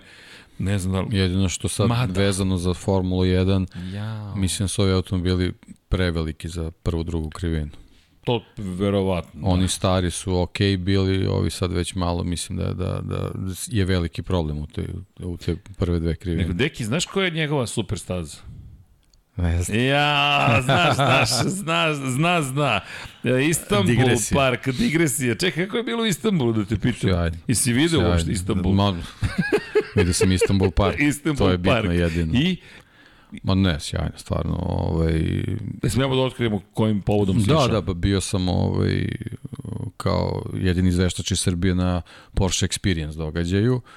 Tamo generalno postoji trenažni centar Porschea, komplet, kompletno ovaj, opremljen sa nekim uh, poligonima za, za bezbednu božnju, za off-road, to se nalazi u, u krugu staze i to su neke trećine tog, to je, tog čitavog programa, a ono, najzanimljiviji, najlepši deo je vožnja na stazi. I ovaj, novinari, izveštači, klijenti ili kogod je tog dana na, na stazi bude podeljeno u nekoliko grupa, uglavnom u četiri, tako da se jedan deo se održava na poligonu za, za bezbednu vožnju, jedan deo se održava na off-road stazi, a dve grupe su podeljene za vožnju u ovaj dvosedima Porsche Porschea, a poslednja grupa je u da tako kažem porodičnim automobilima, to jest četvorosedima klasičnim i onda se grupe rotiraju. Tako da u stvari taj, taj deo na stazi je praktično dobiješ priliku da dva puta izlaziš na stazu sa, sa različitim modelima automobila i stvarno je ovaj, onako izuzetan događaj, mislim ja sam bio i, i ranije na, na sličnim eksperijencima, ali ali Istanbul Park je stvarno staza ovaj Si mi pozdravio Krivina 8? Da, da, da, da, Krivina 8 posebno ovaj dobiješ priliku naravno ni jednom trenutku nismo bili sami na stazi nego praktično voziš u koloni na nekoj onako bezbednoj razdaljini. Pa da kažemo da je bezbedna, ali da kažemo i opuštena razdaljina da, da zaista možeš da da da osetiš, da, da osjetiš da da da pro, probaš da da neke neke mogućnosti automobila, ali generalno uvek u prvom automobilu se nalazi instruktor i ti praktično pratiš njegov tempo koji nije nije baš onako lagan, tako da generalno imaš e, nekako ovaj, e, olakšavajuću okolnost da uh, uvidiš situaciju, znači gde on može da prođe, apsolutno možeš i ti, sad samo zavisi od tvojih nekih kvaliteta i afiniteta, tako da stvarno može da se isproba ovaj, uh, i M, M, M ovaj, sam, sami potencijale automobila, ali i da se oseti u stvari šta je ta staza i stvarno osma krivina, onako ste sa ta tri temena kad, kad samo pomisliš kojom brzinom ti bolidi Formula 1 tu prolaze, onda ti kad eto, dođeš do, ne, do neke pristojne brzine i, i, i tu neku gesilu. Šta je kada... brzina? Pa, ja sam recimo ti nekim temenima možda 160, 170 prolazio, ali onda kao e, malo izguguješ. 160, 170 pa da, ali onda vidiš da tu bolid Formula 1 punim gasom 270, pa, 280. dobro, deki, okay. Znaš, to je ono... Je bilo? Ne, ne, ne, nego samo je, kažem, iz te perspektive da ono kao stvarno skineš kapu ljudima. I koji ti se automobil najviše dopao? Pa uh, najprijatnije iznenađenje mi je ovaj, uh, bio Cayman GT4, pošto je to je već automobil koji onako pripremljen, pripremljen za, za, za, za neki vid trka, za neka verovatno kup takmičenja, onako dosta je olakšan, roll bar, tako dalje, tako dalje i onako baš je nekako lagan za vožnju, a onako naj, najimpresivniji je i GT3. Ove, 911 stvarno ovaj, Evo ovde treba, treba dobio se, iz publike, svi mašu treba se rvati, GT3. Treba se rvati, da, da, da. Jer to Ali opet, opet onako, kao za everyday, to je Turbo S, naravno, karera, to je već, da, da. već je dokazala da, da. taj primat. Na pijacu kad ideš. To, to, to. to, to, to, to, to, to. Najbrža zelena salata Ili kad vremena. imaš neku stazu spud da se, da se prebaciš, tako da... Ovaj, Ja, danas Tako sam da rekao bilo i pa i tebi. Da. Počet ću da pišem, traže da pišem knjigu. Ja sam smislio da pišem da knjigu naučne fantastike ili fantastike. Bit, živeti kao Pavle Žiković. Alternativni život youtubera. Ili alternativni život instagramera. Kako je Pavle Živković, poznati sportski komentator, ušao u svet tamnih, temnu stranu društvenih mreža. A za Dekija, danju novinar noću noću, noću Porscheo vozač. Ali dobro, To, jel, jel mi se dopala takva knjiga, jedna, i to okrenete, imate naopački, jedna je, ne, od, dobijam odričane odgovore, u, kolega me uopšte ne podržava. Phantom, Phantom, zna se ko je Phantom. Phantom. Dakle, ako vidite Suzuki 1, četvorat kočkaš, da znate ko je u pitanju. Elem, kada je reč o Suzuki-u, samo da napomenemo da nisam zaboravio da smo u Moto Grand Prix podcastu, ali morao sam da iskoristim kada neko doživi na taj način Istanbul Park, Tilkeovu, inače stazu, nekako mi se spojilo u glavi, izvini deki. Ali morao sam da odlutam tamo, suviše je bilo jako. Elem, 5543 metra dugačka staza Sepang, da kažemo kruna do sadašnjeg dela sezone i ne mislim da su druge staze ili trke manje bitne, jer kada se setimo ostrava Filip, i to je predivna jedna trka, ali za mene ovo ipak kruna. Ipak mi je ovo, ono što si rekao, Moto Grand Prix. Ovo je baš Pa to, to. imali smo dvojicu pretendenta na titulu u jako dobrom izdanju, kvalitetnom tako izdanju. I na pobedničkom postoju. Da. I lepo je bilo što su svi čestitali jedni drugima. Na kraju čak i Ducati prišao i čestitao Fabio Quartararu, Pitao sam se, gde je čestitka Bastianiniju, čestitali su i Bastianiniju i tako. Biće zabavno u svakom slučaju. No, bilo je tu još trka, bilo je sjajno u Moto2 kategoriji, bez obzira što je jedan od kandidata za titulu šampiona sveta izletao sa staze, Toni Arbolino zabeleže pobedu, a Jogura Ajo Gura i Augusto Fernandez u ulogama koje su vrlo zanimljive. Augusto Fernandez je pao u Australiji, Ajo Gura, deki, ja ne znam. Odmah je vratio. Odmah je vratio. Čekaj, čekaj, da ti ja vratim. Da ti ja vratim. Samo ovo je mnogo gore. Ovo je mnogo gore. Ovo je poslednji krug, ti si kod devete, krivini ih ukupno 15 i stanje u šampionatu sveta je sada takvo da Augusto Fernandez ima 9,5 poena prednosti trku pre kraja. Ukoliko pobedi Ajo Gura, a treći bude Augusto Fernandez, titula za pola poena pripada Augusto Fernandezu. Ili ti Augusto je dovoljno da bude treći u nedelju na trci i bit će novi šampion Moto2 kategorije. Sveta. Šampion sveta, Ajo Gura nije bio Hiroshi Aoyama, definitivno. Povukao je potez koji je mnogo riskantan. Ne, pre svega nije bio Ajo Gura. Može i tako.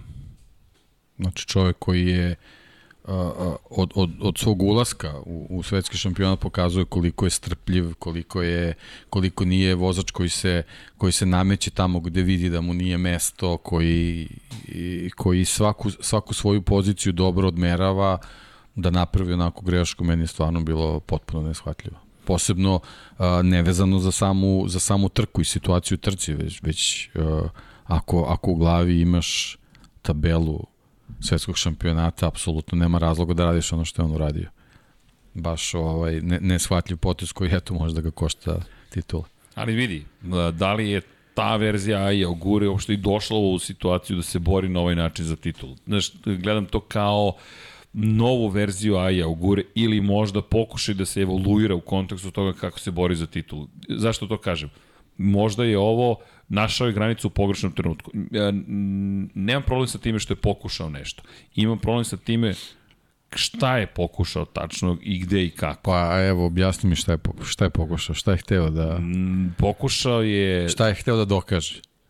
E, ne, e, šta je hteo da dokaže ne znam, ali hteo da pobedi očigledno. Zašto? Ali, da, zašto da bi ne znam, osvojio srca publike, ne znam, da bi pokazao da će pobedom da dođe do šampionske titule, da bi možda smanjio pritisak na sebe u poslednjoj trci sezone, jer će imati više poena kada odu iz Malezije i možda zato što nije verovao da može da ponovo pobedi Augusta Fernandeza za dve nedelje, pa je ovo rekao, ovo je sad prilika da to, da sad imamo 18 poena, 18 A sad će da pobedi Pa neće možda, verovatno, pa ne, ne znam. Kažem, ali... kako god, iz kojeg god perspektive posmatrali njegov potez, meni se ni, ni, ni u jednoj priči to ne uklapa sa, sa, sa temperamentom Aje Ogure, zaista. Vidi, ali, ali ajde ovako. E, nemam ja problem sa time što je pokušao da se izbori za prvu poziciju. E, samo imam problem sa time što je to pokušao u nemogućoj situaciji. Ti si predaleko u krivini broj 9. E, ok, ne kažem da je trebalo ili da nije trebalo, nego samo kažem ne, bi, ne bih imao Nemam problem sa time što pokušavaš. Ok, želiš superherojski kraj, šta god želiš, e, slavu ili želiš dominaciju ili sve ovo što smo rekli, da rešiš problem poena koje možda nećeš moći da nadoknadiš u odnosu na Fernandeza u Valenciji ili ne veruješ dovoljno sebe. Ali da to pokušaš iz takve daljine, iz takve daljine, to, to, to, to ne mogu da prihvatim. Zato što to nije dovoljno samo reći pa ja sam probao. Čekaj. Sad ja kažem sebi, srđane, možeš ti da preskočiš na terasu kod komšinice. Ne mogu. Ne bih da idem kod komšinice. Komšinica je psihijatar, tako da bih prepozvonio na vrata. Inače sam siguran slučaj, dakle, ali pojenta je da bih se, da, da, da ne mogu da skočim. Vanja bi možda mogu da preskoči, ja ne mogu. Ali sad ću da vam pokažem da mogu, a mi smo na drugom spratu. Pazi, rizik je da ću polomiti noge, kukove, nemam pojma, kičmu, šta god. Dakle, to je dosta velik rizik da bi nekom dokazao nešto. Slično i ovde. Ajo Gura ulazi u ogroman rizik, bez potrebe da je situacija sledeća, terasa se naslanja na terasu, pa kažeš pređem preko terase. Ok, to je mnogo manji rizik. Ali ja to ovde nisam video. Pri čemu? Imaš još krivina u kojima možda možeš da sustaneš Toni Arbolina čoveka koji inače vozi samo da bi svima dokazao da je on najbrži u Moto2 klasi. Ok, dakle, to smo čuli kasnije kao motiv kada se završila trka. Dakle, ti ulaziš u, u bitku protiv čoveka koji ti nije direktan rival, koji je pritom u nekoj svojoj zoni, u nekom svom univerzumu. Čovjek pobeđuje u poslednje vreme, bori se, dobar je po kiši, dobar je po suvom. Ne znam ni šta da očekuješ od njega u duelu, a već si jednom poveo i već si jednom napravio grešku i izgubio to vođstvo. Znaš, kada sve ukalkulišeš, nemam problem da pokušaš. Suviše poruka bilo da Tako je, to nema potrebe da se radi. Ali ne po svaku cenu. Ne moraš da preskačeš terasu s drugog sprata. Ča, sačekaj desetu krivinu. Zato tu. kažem, to jednostavno nije bio tipičan Ajo Gura.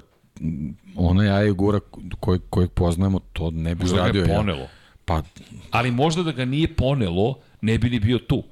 To hoću da kažem. Da... Pa da li nijednom prilikom ove sezone nije ulazio u nerazonska preticanja? Nije. Bio je vrlo trezven u svojim vrlo potezima, trezven čak i u Japanu. I, i, I uvek je bio siguran u potencijale motocikla kad je nešto radio. Ovo je upravo to što si rekao, ovo je neki potez koji ne znam, mislim, ne znam uopšte u koju, koju kategoriju bi to svrstao, zato što ne mogu da kažem da, da, da je reč o neiskusnom vozaču. Pa sada već nije neiskusan. Imaš pobede, boriš se za titulu, bio si u sličnoj situaciji u Moto3 kategoriji. Pri tom sve se dešava u finišu trke, znači već si mnogo puta prošao tom krivinom, znaš kako se ona prolazi, to je upravo ono što je Nea Bastianini nije hteo da uradi protiv Peka Banjaje. Znači, a, mogo je, a, on je bio a, za, za, za fragment brži, ali nije bio dovoljno brži da, da njegovi manevri budu sigurni. I on jednostavno nije, nije ulazio u to. A ovde imaš situaciju gde a, nemaš nikakav razlog, nikakvu potrebu da ideš na, na pobedu koja ti, je, koja ti na, na tom mestu je nedostižna. Jednostavno ti si, ti si predaleko od bilo, predaleko si. Predaleko bilo si. kakve kalkulacije smisla. da nešto uradiš. Pa jedno Lorisa Capirossi da izvedeš, da udariš u Toni Arbolina i nastaviš trku, ali ćeš biti opet kažnjen ili diskvalifikovan čak. To je, to je kalorijska procesa radio Tetsuji Haradi. Pa da, ali, ali uradio čoveku s kojim se bori, za, za titulu, nešto. Fakat, ovde je, ovde ne, ne, ne postoji uni, univerzum koji je, koji je na istoj frekvenciji. Apsolutno. I onda, i onda da se, se dešava... nego bilo koga. Pa ne, posebno one, onaj kadar koji smo imali u pravom trenutku od ozgog, kad, kad, smo, kad smo gledali, ti vidiš da, da je on za prostora. dužinu i po Tako je, duži, kasni. Ne, ja kada sam, isto kada sam to video, razmišljam, Ne, ne, ovo je nemoguće. Ti ne možeš da skreneš. Posebno onoj krivini, ona krivina je uopšte nije naivna krivina. Uopšte nije loše urađen MotoGP 2020 iz te perspektive. Zaista možete kroz simulator, ne da osetite nužno kako je na motociklu, nego da osetite konfiguraciju staze. I sedma, osma krivina. Koliko puta smo rekli za sedmu i osmu? Ovde u igrici ti si lepo rekao. Ti si rekao, evo ih teške krivine. To su dve krivine. To je kao jedna krivina s dva temena, broj ih kao dve, sve jedno. Fabio Quartararo tu dva puta padao. Dva puta su imali podrhtavanje. To se to nema u simulaciji, ali ti imaš podrhtavanje na tom mestu. Ti vidiš da je osma krivina opasna. Tu smo imali incident kada je Zarko malo nije udario zapravo u cijelu priču Pola Espargara, koji je sišao sa staze. ne samo on, svi su tamo izletali sa staze. I posle te krivine ideš ka devetoj koja je čak imam utisak da je pod kontranagibom, ideš uzbrdo zapravo blago i ti tu skrećeš koje je oštro i ti, ti nemaš, ili ćeš da ispraviš motocikl i nastaviš pravo, žrtvuješ poziciju potencijalno broj 1, koja ni ne postoji samo u tvojoj glavi i nastaviš dalje. Uzmeš svojih 20 pojena, kažeš, ok, dao sam sve od sebe, ali ovo nije dati sve od sebe, ovo je sa sigurnošću prelatiš granicu mogućnosti. Kao da je moment, pa, ja se nadam da će mi ovo proći. Pri čemu nije poslednja trka sezone, nije potez koji ti donosi 5 poena zato što ti zaostaješ 4 poena za Augustom Fernandezom i ti time imaš jedinu šansu da osvojiš titulu. Pa čak i tada moraš da sačekaš bolju priliku. Moraš da sačekaš 15. krivinu u celoj priči da kažeš ili gde god, ajde da pokušam nešto. Kao John McPhee u 14. krivini u krajem slučaju. Ko je tamo očekivao Johna McPhee-a? Ja nisam, ne znam, ti očekivao John McPhee četvoricu da pretekne.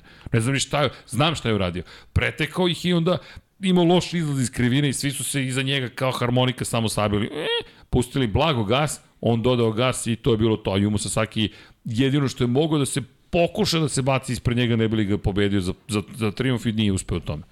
Ali, Ajo Gura ništa toga. I Augusto Fernandez, kao što smo u Australiji rekli za Ajo Guru, ni kriv, ni dužan čovjek, preuze vodeću poziciju u šampionatu sveta. Hvala, lepo. Pri čemu, Augusto koji nije mogao da se izbori sa Jakeom Dixonom. A da, vrhunac je od sledeće trke me izgleda da će promeniti pravilnik ili od sledeće godine moram da proverim, Matt Oaksley je tweetovao dakle da će da novi pravilnik podrazumeva da više ne sme da bude kontakta u poslednjem krugu između vozača. Automatski ćeš biti kažnjen. I, I ja nemam ništa da kažem na to. Ja odustajem od sudija i onih koji pišu pravilnike. Apsolutno odustajem, jer ja nema, nema nekakav smisao više. O, kao da je neophodno ubiti sve u sportu i pokušati sve definisati nekim pravilnikom koji ni nešto više ne liči. Ne, kupus. Pa ništa, nekim uvedu šine kao na onim malim električnim autićima, svako da uhvati svoju stazu i to je to. Ne, katastrofa. Tako je najbolje, da. Katastrofa, potpuno razočaranje.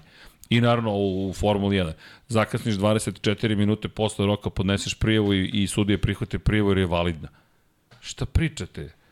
Prekrše, ne, ne po pravilniku ne možete ni da je razmatrate, a ne da je usvojite da je validna. Potpuno suludo. Potpuno suludo. Ali dobro.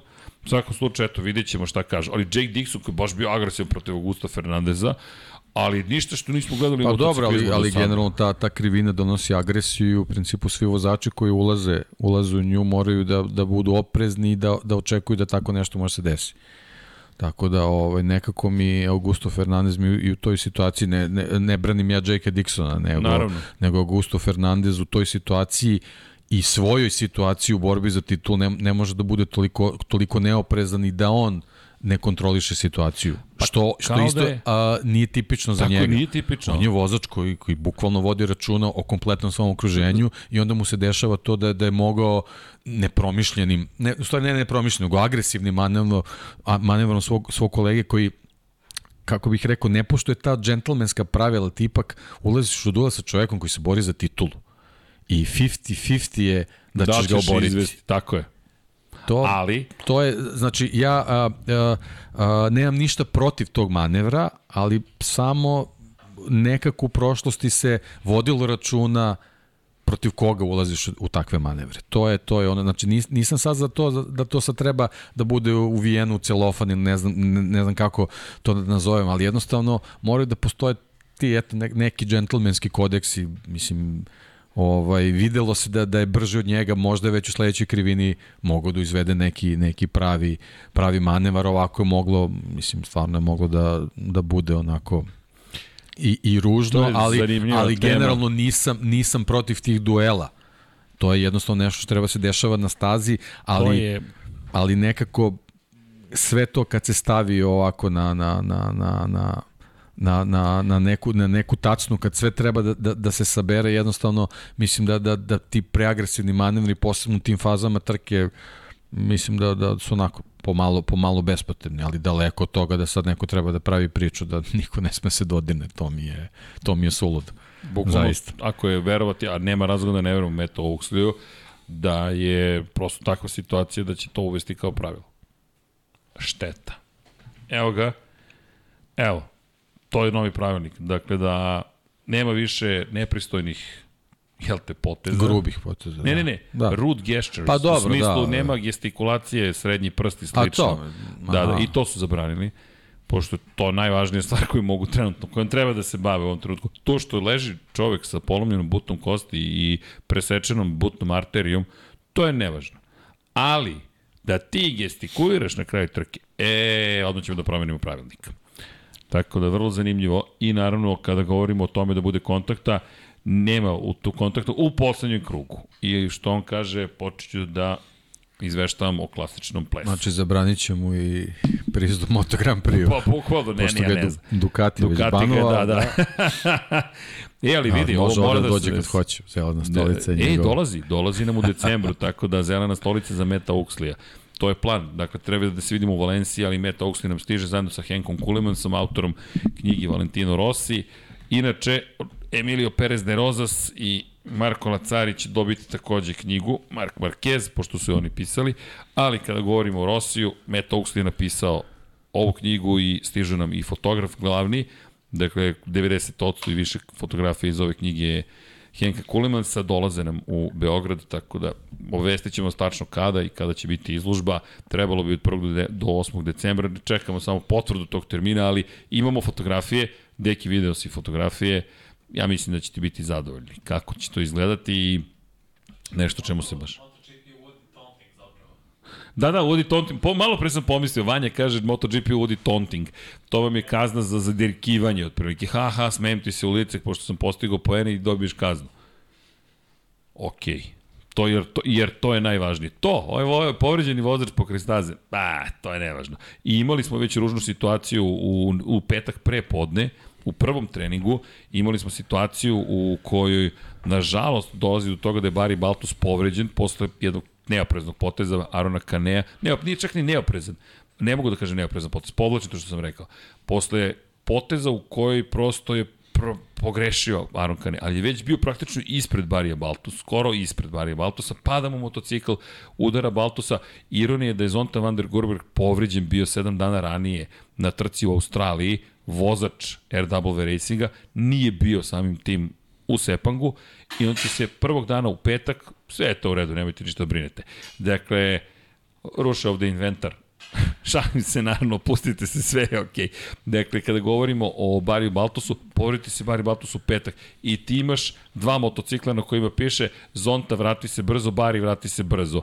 Kakva ironija. Petak, subotu, nedelju provodiš na taj način. A pritom, šta je vrhunac sudije koje ne zaustavljaju taj trening, nego nema veze. Redari su na stazi, medicinsko osoblje na stazi, u poslednjoj krivini, gde lako može da se pogreši. I još veće ironije da je malo kasnije upravo tu još jedan vozača pogrešio, samo nastavio tačno tamo gde su oni bili. Ali to nije bitno, bitno je da ti ne pokažeš nešto ružno u završnici trke pokušat ću da prestanem, ne, neću da prestanem da ih komentarišem, neću da prestanem da ih komentarišem, jer ih treba komentarisati, jer treba da svi zajedno reagujemo i na društvenim mrežama kažemo ovo je potpuno besmisleno.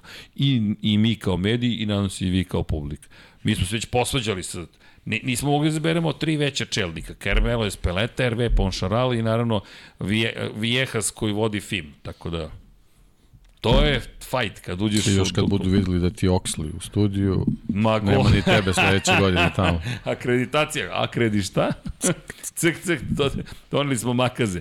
Neka, neka, Mora, moramo da se bunimo. Da, kad spomenješ te, te, te momente, samo u Moto dvojkama da spomenjemo, da spomenemo Čantra, Kosta, trenutak isto ovako bilo onako nezgodno je. Jest. Delovalo srećom, ovaj, niske su brzine tu bile u, u to je druga krivina, čini mi se, bilo Jeste. tako. Da, ovaj, Tako da, mislim, to su ti kontakti, ja stvarno ne znam kako, kako neko ne može, da može da pomisli da, da to kao što se desilo u prvom krugu, jeste dobro, gužva je i start i tako dalje, tako nešto isto može da se desi u poslednjem krugu, mislim, ne, ne vidim zašto bi nekog okrivlja, okrivio da, da, da, da je nešto ne, ne znam, stvarno. Ovo, ne znam ni kako ču... to možeš da kako, kako praviš, da kako, pa ne, kako uopšte praviš tu selekciju, š, zašto je nešto bitnije u poslednjem krugu, a nije pa. bitno u prvom ili sedmom, ili, ne, ne znam, stvarno mi je čudno. Ajmo ovako, još jedna bitna stvar. Ja sam u unutrašnjoj strani krivine i ti se vraćaš na putanju i dođe do kontakta. Ko je kriv? Tu ne postoji krivac. Imali smo i tu situaciju. Imali smo tu situaciju. Sad ti se vraćaš unazad i imaš kontakt. Ok, ko je kriv? Evo, kontakt se desio. Po pravilniku nije smeo da se desi. Ko je kriv? Ili ti ko je krivlji, da ne kažem ko je više kriv? Ti moraš da nađeš krivca jer si tako da, napisao pravilnik. Da, ali ulazim u situaciju gde bukvalno mogu da se upletu da, da jednostavno nema nema imaće... razrešenja situacije, a onda može nas već na sledećoj trci da se desi nešto drugačije, neki... da će biti različita tumačenja, onda će neko reći a zašto si na prošloj tu trci ovako, a na ovoj si drugačije i sami sebi prave još... problem, problem i uskaču usta. A poente da jedino što treba da bude bitno je da se obezbedi bezbednost vozača i ostalih učesnika u Što Grand Prix. Što ne postižeš ovako? Zašto? Ako ti od vozača tražiš neprirodne poteze u poslednjem krugu da bi izbjegli kaznu, kao što si tražio njih neprirodne poteze za zelenu površinu, dolaziš do toga da će zapravo njima biti u jednom momentu opasnije. Tako to je moje ubeđenje, bukvalno, bit će opasnije. Ovo nije auto trkanje. Automobili su drugačiji, moto trkanje je potpuno drugačije. To je drugačija disciplina. Ne može tako da se pristupi. U krajnjem slučaju i kod automobila doći će do kontakta. Ma kod automobila su kontakti nepoželjni u trkama jednoseda zašto su otvoreni točkovi. A u, u trkama Gran Turismo automobila, GT automobila, pa naravno da je, da je 95% kontakata legitimno. Ali to su automobili, to su, to su zatvorne ljuštore koji, kojima su vozači zaštićeni. Ovo je, ne, ne znam, mislim, upravo to što kažeš, sve te neke situacije gde će oni morati neprirodno da se ponašaju, njima više, više ugrožavaju ovaj, bistvovanje na stazi od, od, od onoga što već jeste, a ve, već je opasno. Ne znam, mislim da, da, da, da opet mažemo oči besmislenim stvarima i da se ne bavimo suštinskim problemima. A problemi su zapravo u, unutar kuće. Kuća hoće da pokaže da svi van kući su zapravo ti koji su odgovorni za nešto. To je moj utisak koji stičem i, i iz te perspektive zaista zaista mislim da dolazimo do toga da neke stvari, malo pre si spomenuo, Kit Huven je napisao dobar članak, dakle, u kojem spominje nešto što, što si upravo spomenuo, a to jeste zapravo i pitanje više se bavio time i Bastianinim i Dixonom, a to su nepisana pravila. Kada ulaziš upravo u duel sa nekim ko se bori za titulu, da li ti prelaziš granicu, da li Bastianini je prešao neku granicu ili nije prešao Koju je granicu prešao? Pa evo, evo, na primjer, konkretno, koji je u, na, na ovoj trci prešao ja granicu?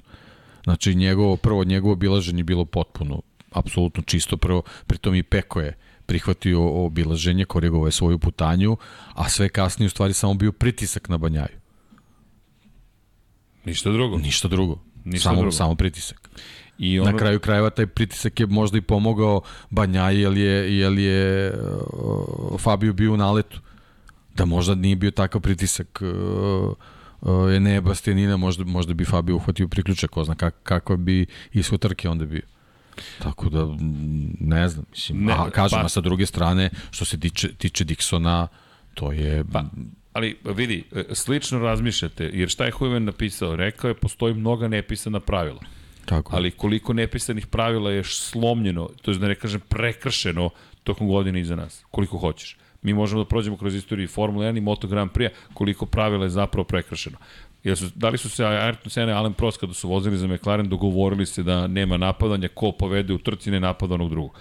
Jesu. Šta se desilo? Prekršeno pravilo. Šta ćemo? Ne, samo je drugačije tumačeno. Samo je drugačije tumačeno, okej. Okay. Eto. Ali to su, to su, da, to su neki, neki interni dogovori, ali, znaš, ovde su uh, dosta nepisanih uh, pravila ve, vezano za taj neki džentlmenski kodeks. Da, ali... I ti ne možeš da kriviš nekog što se nije pridržavao toga. To ali... je samo njegov stav vezan za, za, za tu čitavu priču. I ima tu još I kažem, ja, ja J.K. Dixona ne, ne optužujem, ja samo, mm. samo pričam o tome kako bi u nekim ranijim vremenima to se ne bi tako uradilo, eto, tome se radi. I ima, ali ima tu sad kontraargument, ali mislim da svi pričamo manje više Na kraju krajeva 2015. Marquez Rossi. Isti je primjer to dao. je isti primjer to. je dao. Dakle, isti to. primjer. Da li tu postoji nepisano pravilo, šta je nepisano pravilo? Džentlmenski sporazum, zovite ga kako god hoćete, postoje, možemo da pričamo da postoje, postoje. Da li će ih se ljudi pridržavati? Ko to zna? Da li ćeš da ga, da ga kriviš za to? Pa, Ne. To je... Najverovatnije, ali to je sad izbor, to je Tako tvoj je, izbor. Da, ono što Huven takođe napomenje, toga se nismo dotakli sada, ali to je ono što sam ja pričao na Tajlandu još. Izvini, ali ja da sam sponsor, da, ja da sam prima i sponzorišem pramak, ja bih ih tužio. To jest ne bih im platio za Tajland. Ja bih rekao neću da vam platim za Tajland. Zato što je moje sponzorstvo trebalo da stoji na pobjedničkom postolju. Možda čak i na najvišem stepeniku pobjedničkog postolja. S druge strane, publika. Da li si ti uradio ono što si publici rekao pre trke? Da si ti pre trke rekao, znate šta, ako budem u situaciji da neću da se popnem na pobedničko postolje, to je da se popnem na pobedničko i da pobedim, ali pod uslovom da je tu moj pot, ne kolega, nego neko ko je u deli neki interes zajedno sa mnom, ja to neću učiniti. Da li bi publika došla i rekla, ej, važi, hoću da gledam tu vrstu trkanja. E, to su problemi s kojima se suočavamo. Kažem ti, srećom Malezija je veliki reset. I ja sam zahvalan svoj trojici na tome. Da li je Bastianini mogao da napadne? Sigurno je mogao da napadne. 100% je mogao da napadne. Da li bi to bilo tih pola kilometra na čas preko onoga što može da. taj motocikl? Nikad nećemo saznati. Ali isto pa tako... Pa da, ali to je u tom trenutku Enea Bastianini postavlja možda pitanje sebi. Tako da li je ovo preveliki rizik? Da, okej. Okay. Eto, to je, to, je, to je samo stvar kako će ta osoba u tom trenutku da, da, da protumači. Rečima obija Van Kenobija, sve to stvar perspektive. Dakle, kako tvog tačke posmatranja stvari. Ali, činjenice da niko od nas nije video zaista ništa loše onome što je Dixon učinio. Dalje na granici jeste. Da li je nešto što je protiv pravilnika? Nije. Da li je mogao i Fernandez u toj situaciji bolje reagovati? Mogo je. Apsolutno, da. Tako da nije sve na Dixon. Tako je kad uvek u trkanju imate dve strane. To je ono što si ti pričao i prošle godine kada smo imali čuveni incident između Maxa Verstappena i Luisa Hamiltona u Formuli 1 u Kop skrivini na velikoj nagradi Velike Britanije. Ne postoji samo jedan ekskluzivni krivac. Neko je više, neko je manje odgovoran, ajde da ne kažem kriv u toj situaciji. I, ali nije mala stvar ovo, o tema o kojoj pričamo, jer na kraju dana da, ti ulaziš u, u, u duel sa nekim ko se bori za titul. Pa šta? Ili pa ne pa šta? Ne znam. Ali opet, sponsor Jakea Dixona kaže, jer na kraju Dixonov manevar je njega doveo na pobedničko postolje. Što je velika stvar. I još jedna stvar, spomenuo je Hueven, to mi se dopalo posebno njegovoj, njegovoj kriti, komentaru njegovom, da li treba dovedu pravilo, pa ok, ako si pomogao nekome da zabeleži pobedu, dajte mu pare kao da je pobedio. Ja to često zaboravljam, ali to Miller često spominje. Ej, ako se popne na pobedničko postolje, dobijem veće pa, ne, evo, upravo to što si rekao, mogu, mogu je Ducati možda da bonus Zarku. Zarko. Za prošlu trku. Možda i dao, ne znam. Da. ali to su sad stvari koje, koje, koje, koje nekako srećom odlaze polako u zapećak, zato što u Valenciji može svako da se bori za pobedu. A i dobit ćemo ovo neka suluda pravila sledeće godine. Tako da neće tako da- smetini da... da se dotaknu, tako da je da. sve u redu. Bezbedni smo svi. A imaš samo 42 trke. To sam teo ti kaže malo pre. Ti na 42 trke, dakle 42 poslednja kruga ćeš imati sledeće godine u jednoj kategoriji. Uvodiš pravilo u kojem nema pipanja. To su dve trke. To su dve trke. 42, 42 poslednje kruga. Da. Razumeš? To su dve trke u kojima ti ne smeš ništa da uradiš agresivnije. Ali možeš u prvom. Nisam siguran. Možeš i u da. petom, da. možeš i u devetom, u možeš i u dvadesetom, ali nemoj u poslednjem. Zašto? Kao kada siđeš sa staze u poslednjem krugu. E, ako siđeš sa staze u poslednjem krugu, dotakneš jednu površinu, automatski gubiš jednu poziciju. Zato što si tu stekao prednost. A Koju? to da radiš u prethodnih ne znam samo koliko... Samo ćemo te upozoriti. Samo ćemo te upozoriti. Osim ako da. nisi na došao i oj, oj, boli me mozak. Ali, a, činjenice da su stvari koje utiču na neke da, na, na, na, na ono što nas čeka i eto držim palčeve da, da držim iskreno palčeve da ćemo zaboraviti to pravilo, to je da ćemo doći da, do toga da ajde, ne pričamo više kao što je, su zajedno Banjaja, Bastianini i Kvartaro resetovali neke stvari, da će tako i neko trkanje da resetuju stvari. Jer to je jedino jedino što, što, što zapravo u cijeloj ovoj priči može da nas spasi. spasi. Inače, apropo i atmosferi i svega što se zbiva u Ducatiju, Peko Banja je rekao, sledećeg sezone atmosfera sa Eneom Bastianinim neće biti jednostavna. Neće, I to svi znaju. Svi znamo svi odavno. Svi znamo odavno. Ti sad imaš jednu kompaktnu garažu u kojoj, ej, da ti kažem gde si pogrešio, ej, ti to možeš, you can do it, budi super, bit će bolje. Veseli Jack Miller i cijela ekipa koja ima jedan tim. Ti imaš jednu prostoriju. Ti sada već osjećaš dve prostorije. Ne mora zid da postoji, bukvalni fizički zid. Zid postoji. Zid postoji ovako, podeljen je. U Repsolu nikad nije ni prestao da postoji si ikada vidio da Mark Marquez pređe na drugu stranu da nešto kaže, ili Pole Spargaro ili neko drugi sedne. Ne, svako u svom čošku neće ni da se vide. Inače, oni A nema... tek će biti sledeće godine. A tek će biti sledeće godine. Joan Mir i Mark Marquez ne da nisu u ljubavi, naprotiv. I Mir ima šta da dokaže i pokaže, a mnogi su sedeli na toj stolici. Dani Pedrosa nije uspeo. Jorge Lorenzo nije uspeo. Alex Marquez nije uspeo. Pole Spargaro nije uspeo. Stefan Bradl nije uspeo. To su sve ljudi s kojima je delio na ovaj ili onaj način garažu Mark Marquez. I sada dolazi Joan Mir kao dvostruki šampion sveta i jedna titula u kraljevskoj klasi. I imaš u Ducatiju sličnu situaciju. Ali ja držim palče da će Mir biti dovoljno konkurentan da bismo imali upravo to dramu. E sad još jedino Franko... Da, i on ide na operaciju arm pumpa, vidiš. Da. Ovaj, nekako neočekivano, ni, ni on bio Ovaj, nije se spominjalo previše. Da, nije, nije, nije ni on bio spreman da je situacija toliko ozbiljna, ali evo, ovaj, koliko sam čitao nešto je rekao da u poslednjim krugovima bukvalno nije osjećao kako dodaje gas, tako da to je baš onako ozbiljna situacija, tako da možda je i to neki, neki razlog njegove loše forme, ovaj, u, posebno u drugom delu sezone i povreda i pad i tako dalje, tako dalje, tako da sa, sa ovaj, tom operacijom možda njega dobijamo u nekoj mnogo boljoj formi i, i sa, sa nekim dobrim ovaj osjećajem uh, tokom testiranja na Hondi možda dobijemo ne, ne, njega sa, sa, sa nekom novom motivacijom. Mislim već postoji definitivno ali ovaj uz čitavu ovu situaciju, ove, o, šta se dešavalo ove sezone sa, sa Suzukijem i te neizvesnosti i, i, i, i padovi i povrede i tako dalje i tako dalje, deluje da, da možda posle te, te operacije onako simbolički može i on da se resetuje i da, da uđe u neku jako zanimljivu i interesantnu priču, posebno što ima taj izazov koji se zove Mark Marquez. Ne, to je onako sa, sa, iz više aspekata za, za Mira možda bude jako zanimljivo sledeće godine. Znaš šta mi sad palo na pamet? Mi kod motociklista imamo situaciju gde ti zapravo motori idu na, na unapređenje, i reparaciju i popravke, a idu i vozači. Dakle, ti za razliku od automobilizma Formula 1, ti motocikliste moraš da pošalješ takođe. Ajmo u garažu, ali kod čikadoce... Staviš ih na traku. Bukvalno, pazi, klasična biomehanika. Šta tebi ba? Meni malo ruka steže, ok, tebi, pa meni ona, malo rame ono ispada iz, terminator iz otvaranju, otvaranju, mi na to izgleda. Da. Šta tebi treba? Pa ja da ti imam pločicu u levoj nozi. Aha, kod tebe, pa malo mi je slomljena da. ključna kost. Aha, kod A tebe... A ti srednji prst nešto. srednji prst mi nešto se ugurao u šaku, otprilike. Što? Pa palo mi je na pamet kada padnem pri 200 km, 160 km da se pridržim čas, prstićima. Da se pridržim prstima kada klizam. Vidi, a to tako izgleda nežno, kada ako sam pipnu asfalt, pipnu asfalt sa 160 km na čas i onda ovako prst, sad izvinjam se, ovako završi ovde negde otprilike.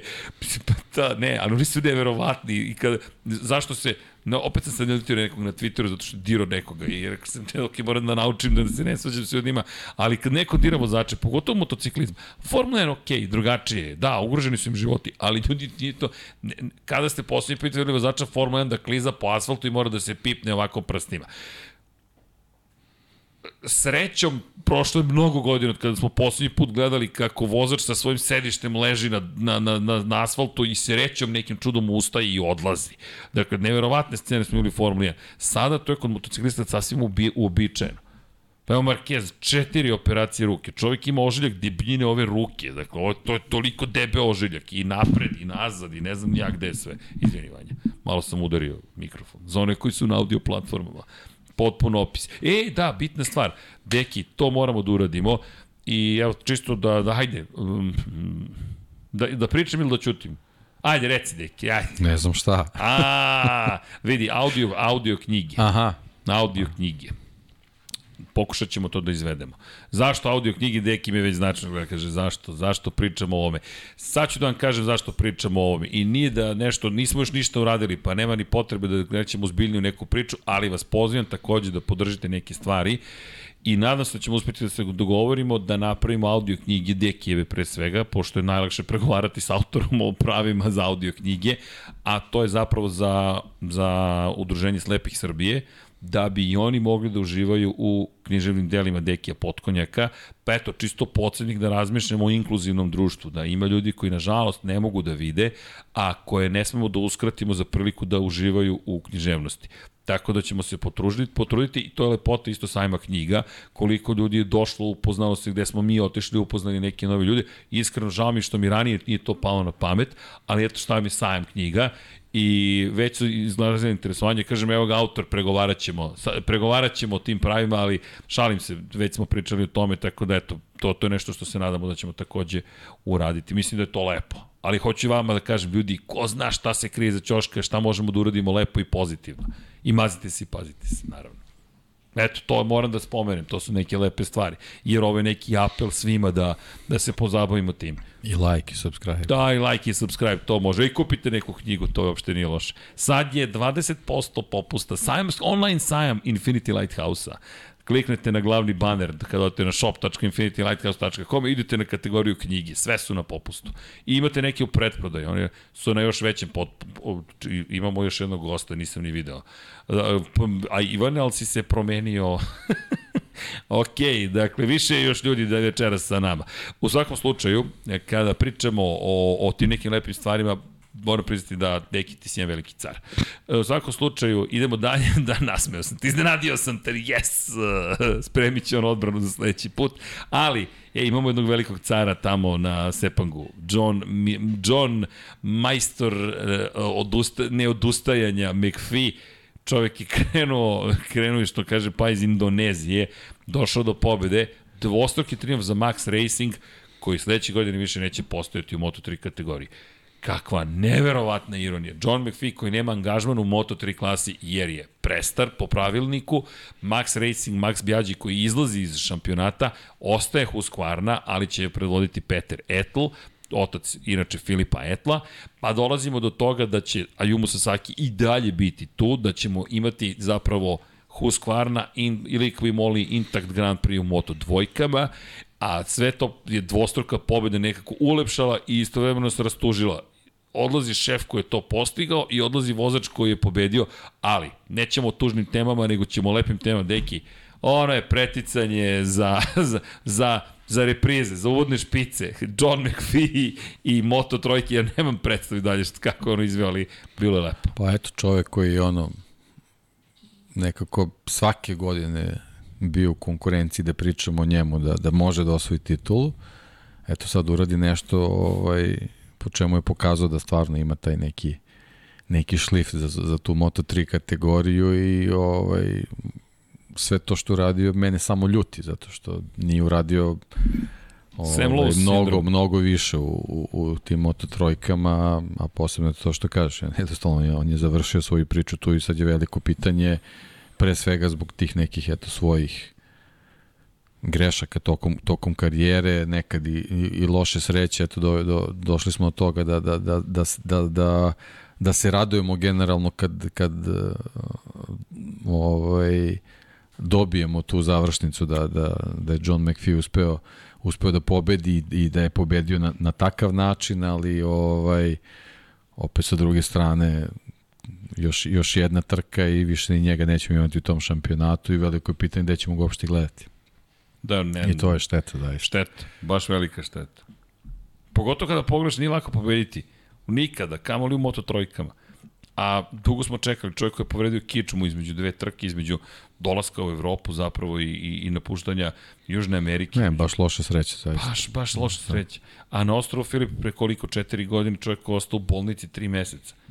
Nekako baš mu se ništa da. nije poklopilo. I onda je bila ona pobeda, čini se, pre dve godine, kad je sve krenulo onako i bio je prijem u Škotskoj, postoje heroj nacije i tako dalje, tako dalje, i onda opet neki sunovrat, baš onako, da ne mogu kažem ni roller coaster, jer nije toliko koliko je nisko padao, nije se toliko ovaj, vraćao na vrh, a ova pobeda je onako stvarno nešto, nešto lepo i simpatično i ovaj, zanimljivo je što je to tako i spektakularno, sve to ispadne i još se to začini sa, sa Maxom i ovaj, onako, lepo onako, ne mogu sad kažem hollywoodska priča, ali onako, super je scenariju, baš je, baš je zanimljivo ispalo zbog tih nekih njihovih labudovih pesmica. Da, ali... Labuđih. Moment koji se pamti. Na kraju da. pogledaš i kažeš, dobro, ko je bio drugi uopšte u celoj priči? A imamo da. sa svaki samo zahvaljujući tome što je Husqvarnin vozač, ali ko je treći? Sergio Garcia je treći, nije da je nebitno, nije nebitno naravno, ali kada pogledaš samo je bitno ono što je na kraju radio John McPhee. Titula je već odlučen, Izan Givara je završio svoj deo posla, imao je zahtevnu trku i Izan Givara promašio brzinu, a Jumu Sasaki nezasku na startno ciljni pravac. Izan Givara odleteo na stranu i jedva ga srećom izbegao, pohvali za Izana Givaru za manevar koji je izveo. Na kraju, ok, daleko iza 12. Ali Ali pobedit ću u Valenciji. Tako pa, da. vrlo verovatno. Ovo meni deluje kao priprema i za, za Spara koji je iz Valencije da, da se stvari nekako znači, šta smo rekli? na taj način. Uh, Marquez. Garcia, Acosta, Marquez. A Garcia misliš da će pobediti? Uh, Guevara, Guevara, Guevara, Acosta, Marquez. Acosta nismo rekli, ali okej. Okay. Pa, ok, da. dobro. Dakle, Guevara, Acosta, Marquez. Uplatite sada. da, da, da, čekaj, čekaj, da. Acosta ima smisla. Može. A Costa ima, mnogo ima smisla. Dobro, deki. Jel se slažeš Dobre, ovo za Markeze? ok. Se slažeš ovo za Markeze? Uvijek se slažem. Jao, najgori si od sve dece, ali dobro. Da, moto trojke bile su lepe, ljudi, sve se svelo na poslednji krug. Dakle, ali nije baš bilo ono tipično 15 vozača. Ovo je bilo malo drugačije. Manje ih je bilo i neočekivani udarac koji je zadao John McPhee u cijeloj priči. Samo da pozdravimo našeg eh, pokrovitelja Ivana Toškova i naše damu koja prevodi knjige.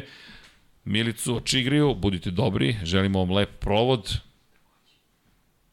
Ne, sledeći put ako ostanete ovako manje od 2 sata, stvarno.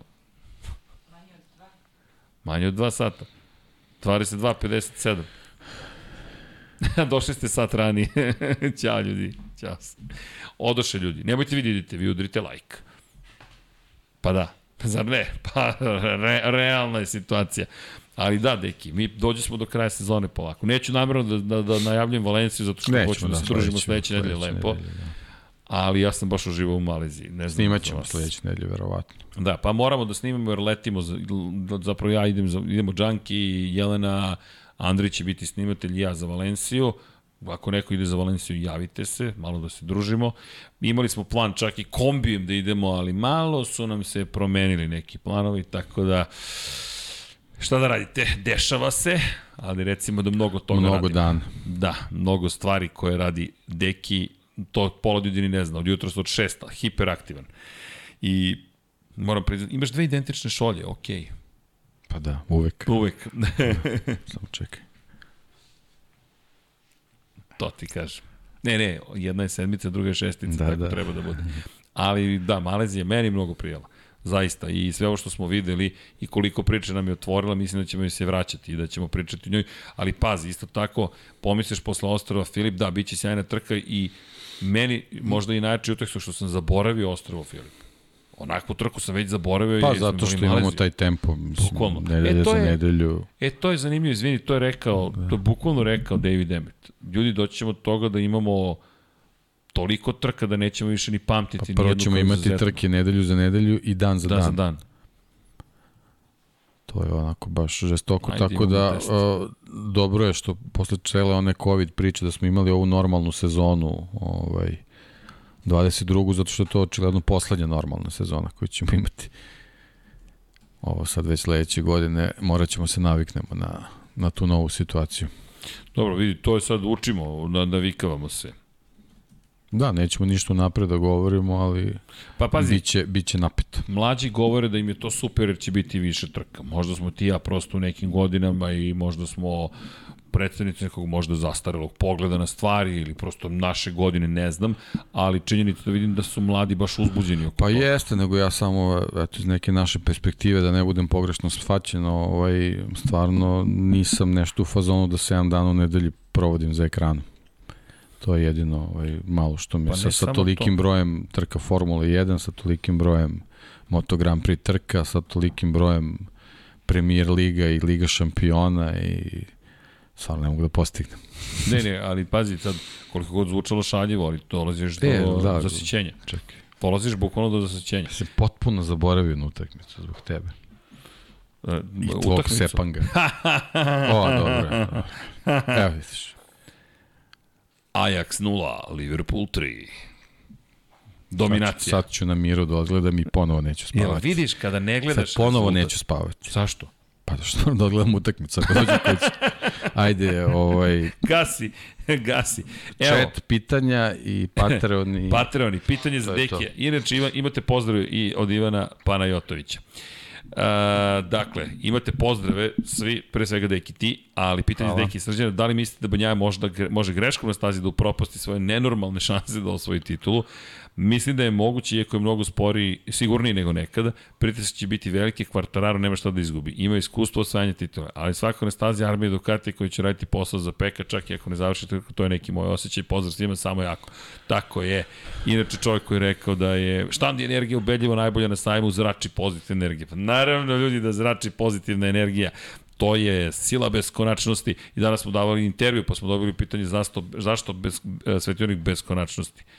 Ko ima odgovor uopšte na to pitanje? Šta se motalo po glavama? Ali tu smo, beskonačno, ide negde. Vanja, daj neki kadar da mogu da mi prebace čaj, molim te. Evo, sad, sad, mm -hmm. sad Deki preuzima šolju i onda mi to seamless transitions, Vanja, ti sad prebaciš na Deki. Sad!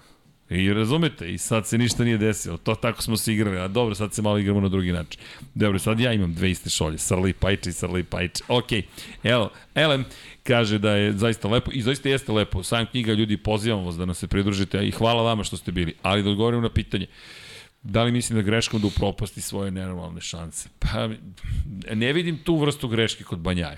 Ne vidim ja da će on sada pasti. Iako je Banjaje rekao da kada igrate previše oprezno, to može biti takođe upravo opasnost. To, upravo to. Da, cijela Mislim, ideja... on jeste onako jedno subtilno bićence. Jeste. Ovaj, pokazao je to, ali ovaj, takođe i sa ovom prošlom trkom pokazao da, da je sazreo, da može i onda bude neka vrsta zveri Ovaj, ali, ti, ali naj, najopasnija stvar je da, da, da bude preterano oprezan. Evo ovako.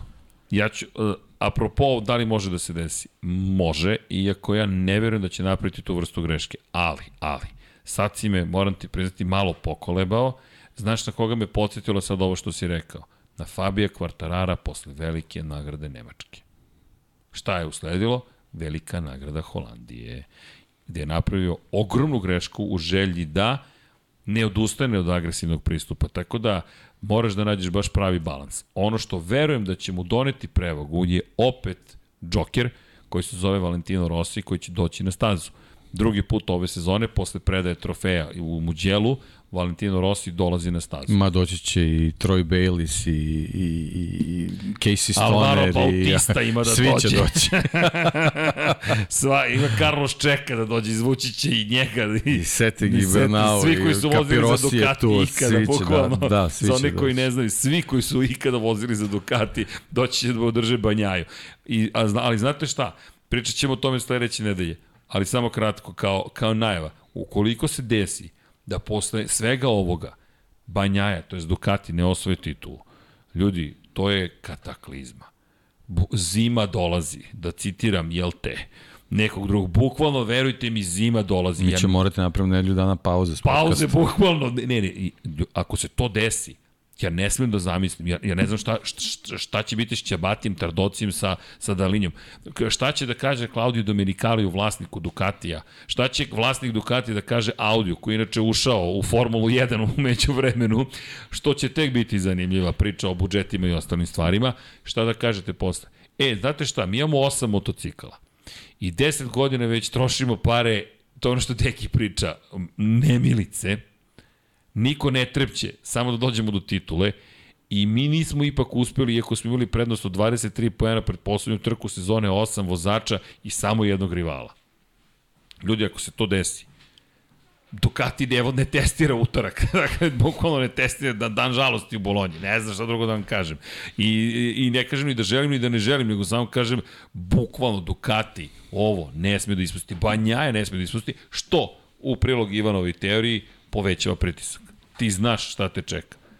Borgo Panigale nije osvojio titulu 15 godina. Ljudi, ljudi, samo da se razumemo, Mark Marquez nije još vozio u 125 kubika kada se to desilo. Čisto da se razumemo. Marko Beceki, ja mislim da možda bi tek upisivao osnovnu školu. Dakle, be ozbiljno, koje, koje godište Marko Beceki?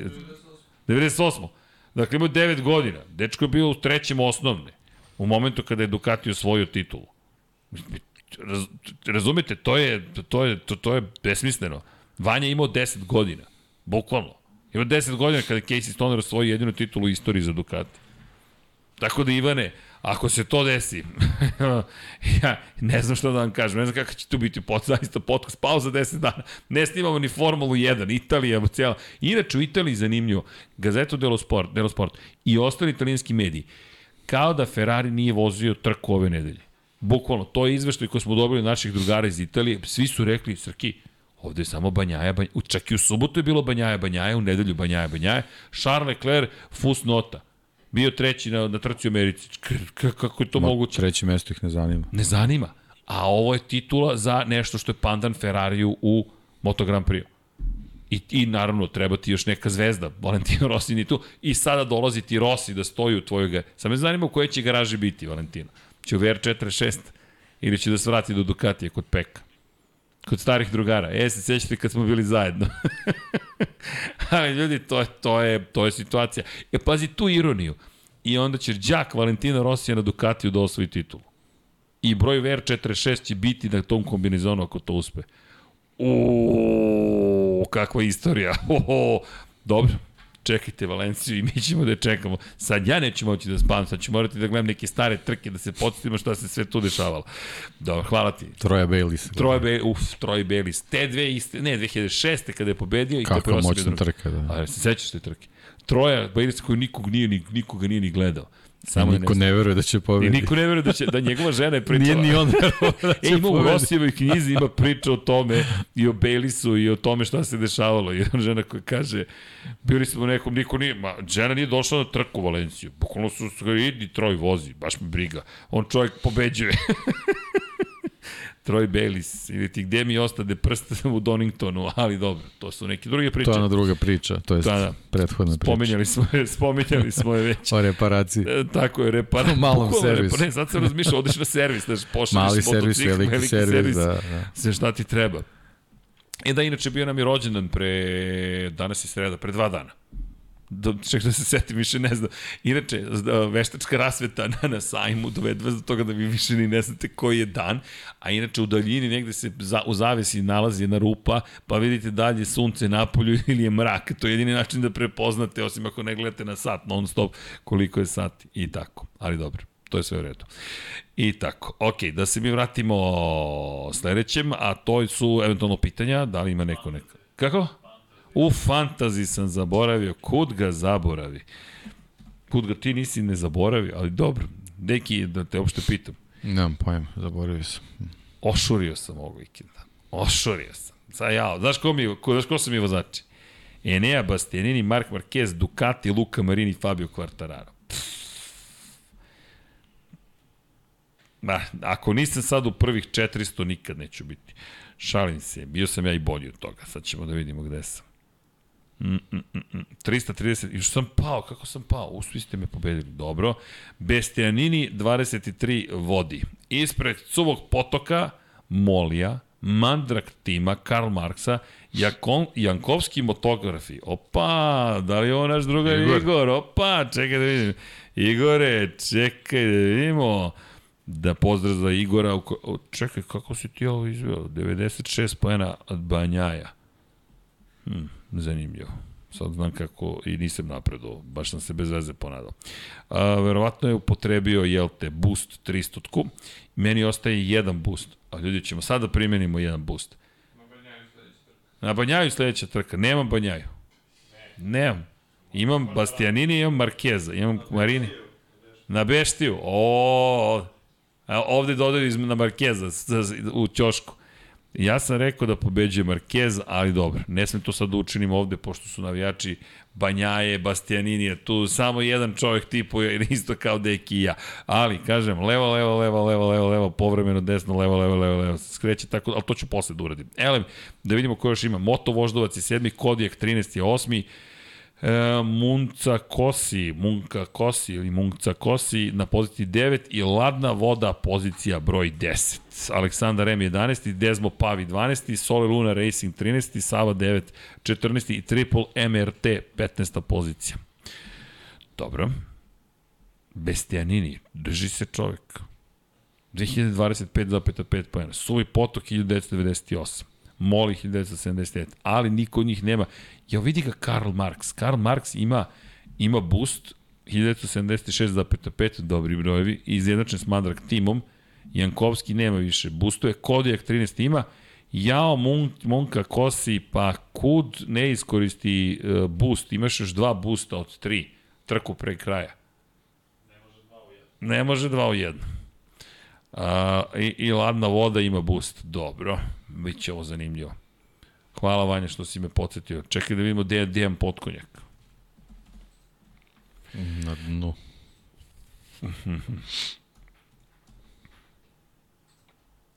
Šesto deseti si, deki. Katastrofa. Enea, Maverick, Ducati, Miguel i Kao. Dobro, nije toliko loše. Ma jok. Da vidimo gde je koleginica iz prodaje. Sirm, je li tako? Sirm Quartararo, Bastianini, Ducati, Beceki, Fabio Di Gianantoni. Au, Diđa nula. 390. pozicija. I to bi bilo to, pa nam ovde se ne takmiči. Ja sam 337. Jao, interno ići još si da pobedimo MotoGP. Drugari, jeste spremni za pobedimo? Znaš da je u prvih 170 u fantaziju Formula 1? Prvih 170. Koleginica, bavi se ekipom. Izgleda se bavi pa, ekipom, da. higijena ekipe. Kaže, prvi put sam promenila i stavila Max. Ja sam pred prošlu trku, ovaj, Moto Grand Prix prvi put promenio vozač, izbacio Rins. I bacio Kala Kračla. Izbacio Rins. To je, A to si to za je... Australiju radio? Da, da, top, da, da. Top. To su vrhunski potezi, vrhunski... Matija, ti li si? Dobro, stavio sam Eneo. Posle se samo ja nasmeo. Mislim. Neki je nije zasmejalo uopšte, ozbiljno je shvatio taj potez. Elem, pitanja, pitanja, da ne zaboravimo. Pa Deki Da idemo, moćemo da spavamo uopšte ikada. Pa ne bi bilo loše. Misliš da je to u redu? Mislim da bi bilo. Da vidimo. E, 108 dema, da, čudni su ovi Ducati, e, dobro. e, da vidimo. Ima neko pitanje možda? Kako? Delay je 10 sekundi. E, pozdrav za koliko vremena stiže naručena knjiga.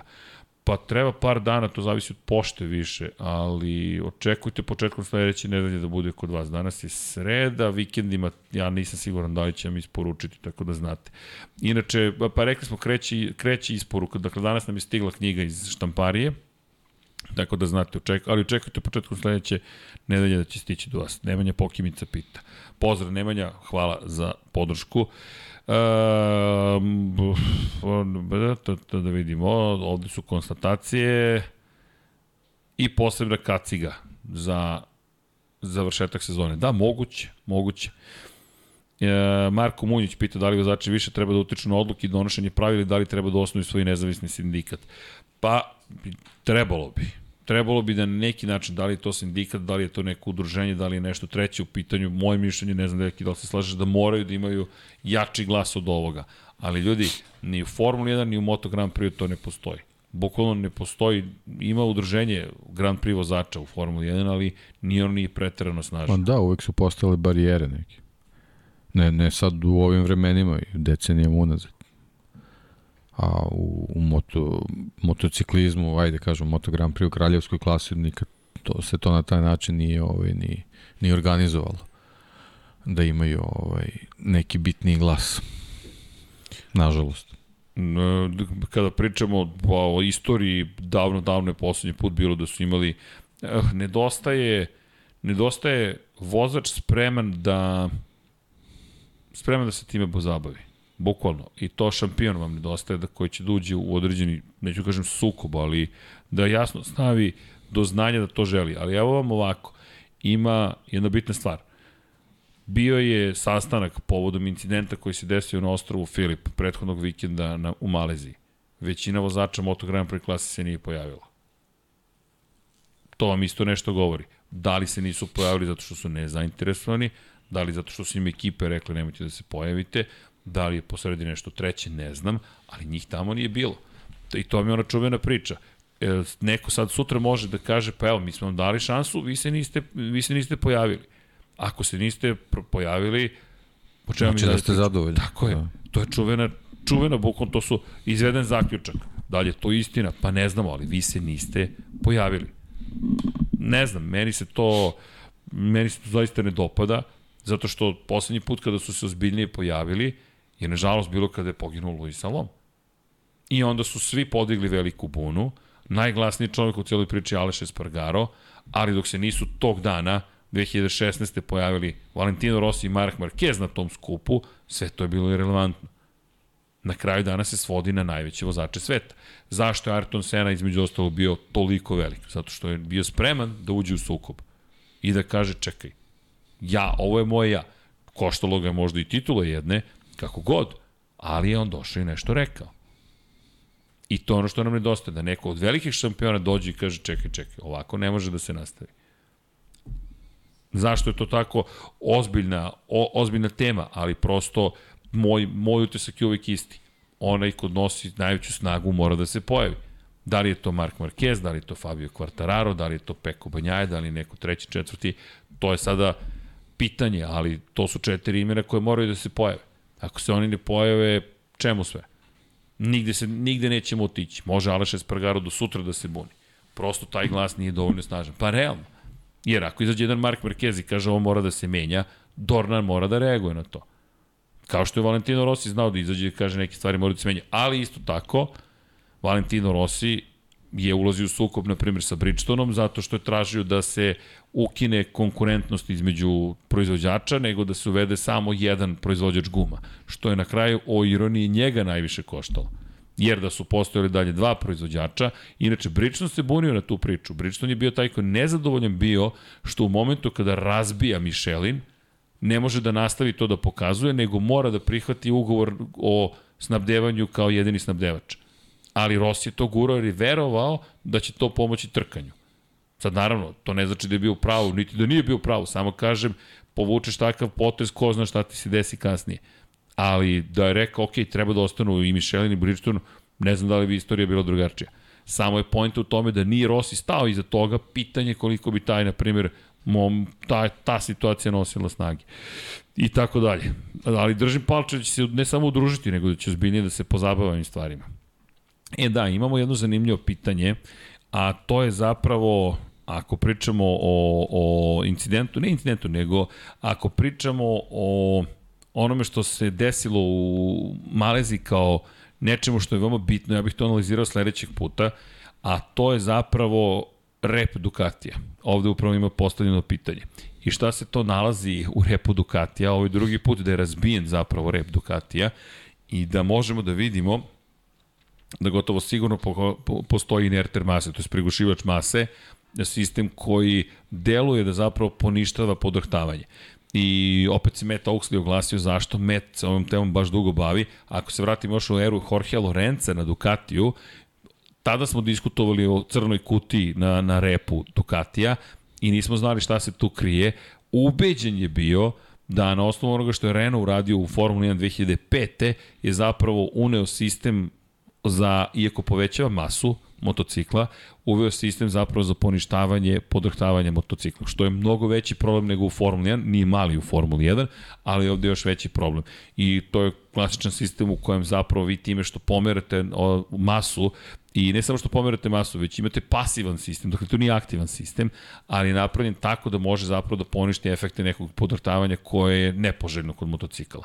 E sad, to tako lako zvuči, ali verujte, sistem napraviti da funkcioniše uspešno je dosta zahtevno e, naći kontrateg, odrediti pravu masu, pogoditi vibraciju, da, da na primjer, ne pogodite frekvenciju vašeg rama, što se događalo, svašta se događalo u kontekstu razvoja motocikla, baš je ozbiljna tema i volao bih da ostavimo za sledeći put, ali uh, m, ti maseni prigušivači su nešto što se zaista koristi u velikom broju industrija, imate u građevinskoj industriji, kako se soliteri, to je neboderi, ne sruše pod udarima zemlje, udarima zemljotresa, pa imate kontrateg do, dole koji je zapravo ogroman, ili gore, na primjer, imate kontrategove. Često gore, da. Često gore na zgradama da, i to je nešto što zapravo poništava efekte u velikoj meri zemljotresa i omogućava zapravo da struktura ostane netaknuta. I to je isto ono što se navodno koristi, da li možemo da zaključimo šta se sve tu događa.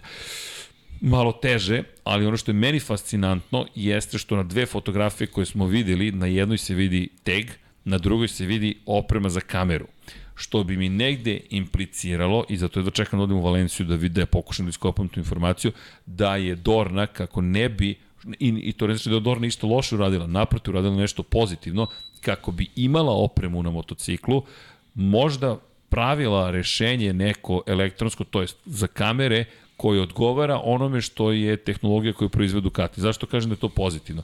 To znači da niste zarad televizije narušili nečije inženjersko rešenje, već ste rekli, ok, ovo je tvoje inženjersko rešenje, mi ćemo da prilagodimo naše kamere tom obliku. Ako je to istina, po onome što smo videli, ljudi ne znam, nisu najjasnije fotografije, pa sad to ostaje da se dosta toga izanalizira.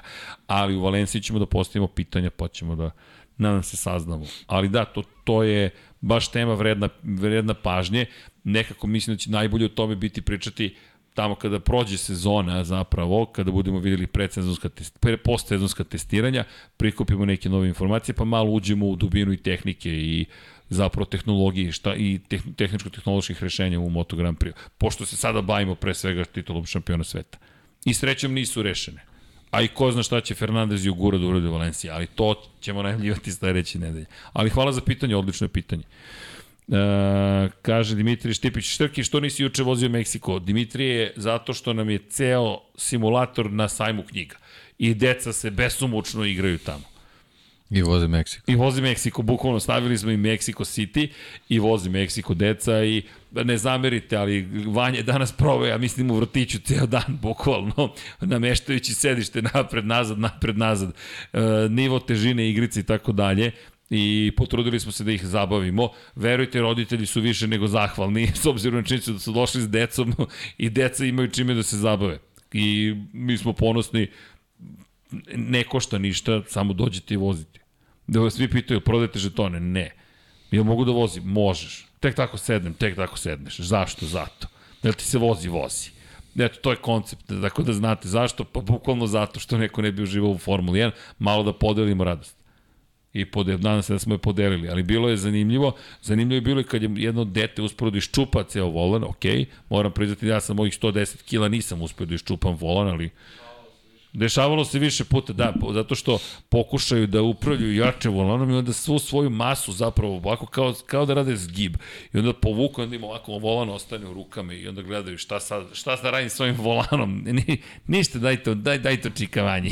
Ali šta da radite, deca su, nema, to je, to je rizik, ni čak ni rizik. Ali eto, tako da znate, zato nisam vozio prošle, e, prošle nedelje Meksiko. Ali ću zato voziti Valenciju sledeće i dalje sa Andrejom Doviciozom. Tako smo rekli. nećemo, nećemo nešto drugo. Da, inače, kada pričamo o o, na primjer, jedno pitanje često o Suzukijevim ljudima, gde će ići i Ken Kavući i Shinichi Sahara i tako dalje, ne znam. I to će biti jedna od mojih misija u Valenciji da saznam šta će biti sa svim tim neverovatnim inženjerima iz Suzukija. Niko još nema pouzdanu informaciju, makar i ja nemam. Hoću pouzdano i iz te perspektive Nikola nemam odgovor, s obzirom na činjenicu da ne znam da li mi je ugovor istekao sa Suzuki ili nije ali to su neke stvari koje su nama veoma zanimljive i ono što želim da znam jeste da li će možda neki trkački inženjer se naći kod nekog konkurenta naredne sezone, da li će ići u Moto dvojke, Moto trojke. Često se dešavalo da kada neko ostane bez angažmana u Moto Grand Prix, ode u Moto 2 i Moto 3 klase da li kao menadžer ekipe, kao glavni inženjer. Setite se Vitorijana Gvareskija. Vitorijana Gvareski je bio menadžer tima Ducatija. Kada je Rossi otišao iz Ducatija, Gvareski je otišao sa njima i tako su i formirali VR46 ekipu. I on je bio prvi menadžer VR46 tima. Setite se Toma Jojića, koji je kao jedan od inženjera iz Moto Grand Prix otišao u Moto Trojke i vodio skoro pa ceo KTM-ov program Moto Trojke. Tako da ima rešenja, nije samo da budu u Moto Grand Prix.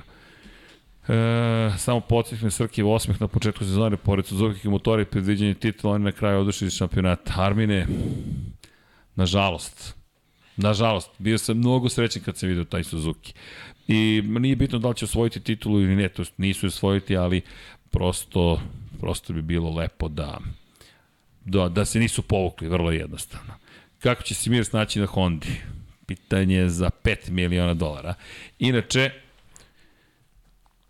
Ovo je pitanje za tebe, Dejan Andrić. Kaže, piti deki ko je najveći kandidat zameni Tanaka u Hyundai-u i da li će Tanak opet u M-Sport?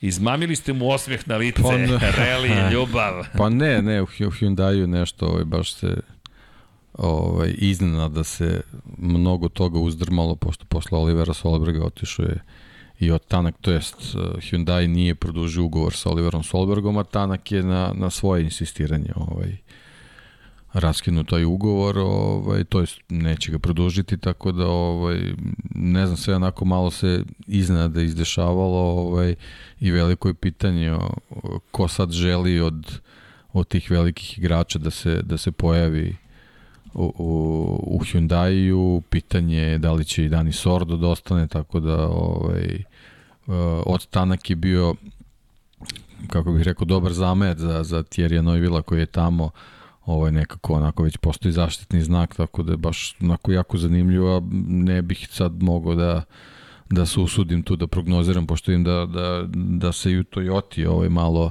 dešavaju neke uh, neke bure u smislu da, da je Latvala najavio da generalna ekipa ima čak neku nameru, to jest rukovodstvo da, da menje njihovu postavu, tako da tu baš onako mogu velike turbulencije da, da, da se dese, ali je generalno opet najzanimljivija stvar da vidimo da li će Ožije ili, ili Loeb da se kojim slučajem predomisle pa možda odluče da, da voze ovaj, čitave sezone sledeće godine, onda bi to bilo zanimljivo da vidimo gde će da budu.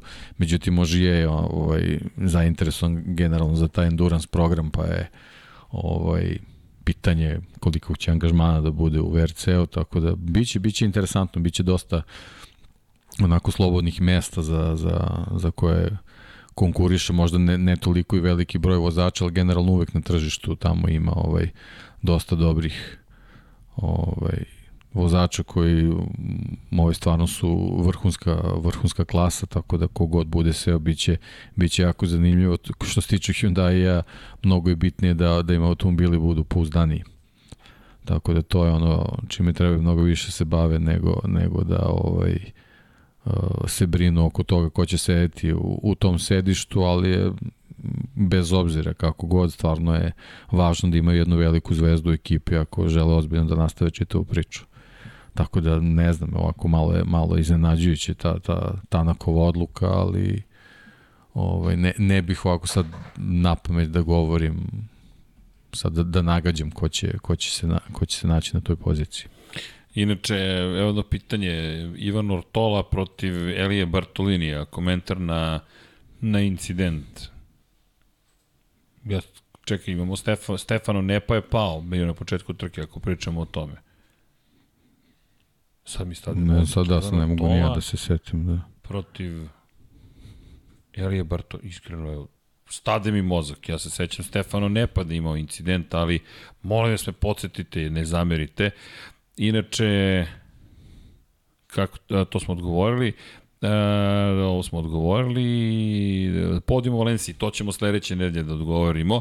Inače, pitanje da li može knjiga da se kupi u studiju Aleksandre, sutra će biti, to jest sutra ćemo je doneti, dakle od, od petka će moći da se kupi i u studiju. Ali, pa evo kaže koleginica Broda, od ponedljaka sigurno, pošto je pitanje da, ko će tako, biti u bolje tako, tako, zato što da. u petak će vjerojatno mnogo nas da ode iz studija na sajam knjiga, pa ne zamerite, ponedeljak vam je sigurno da ćete moći knjigu da kupite u studiju.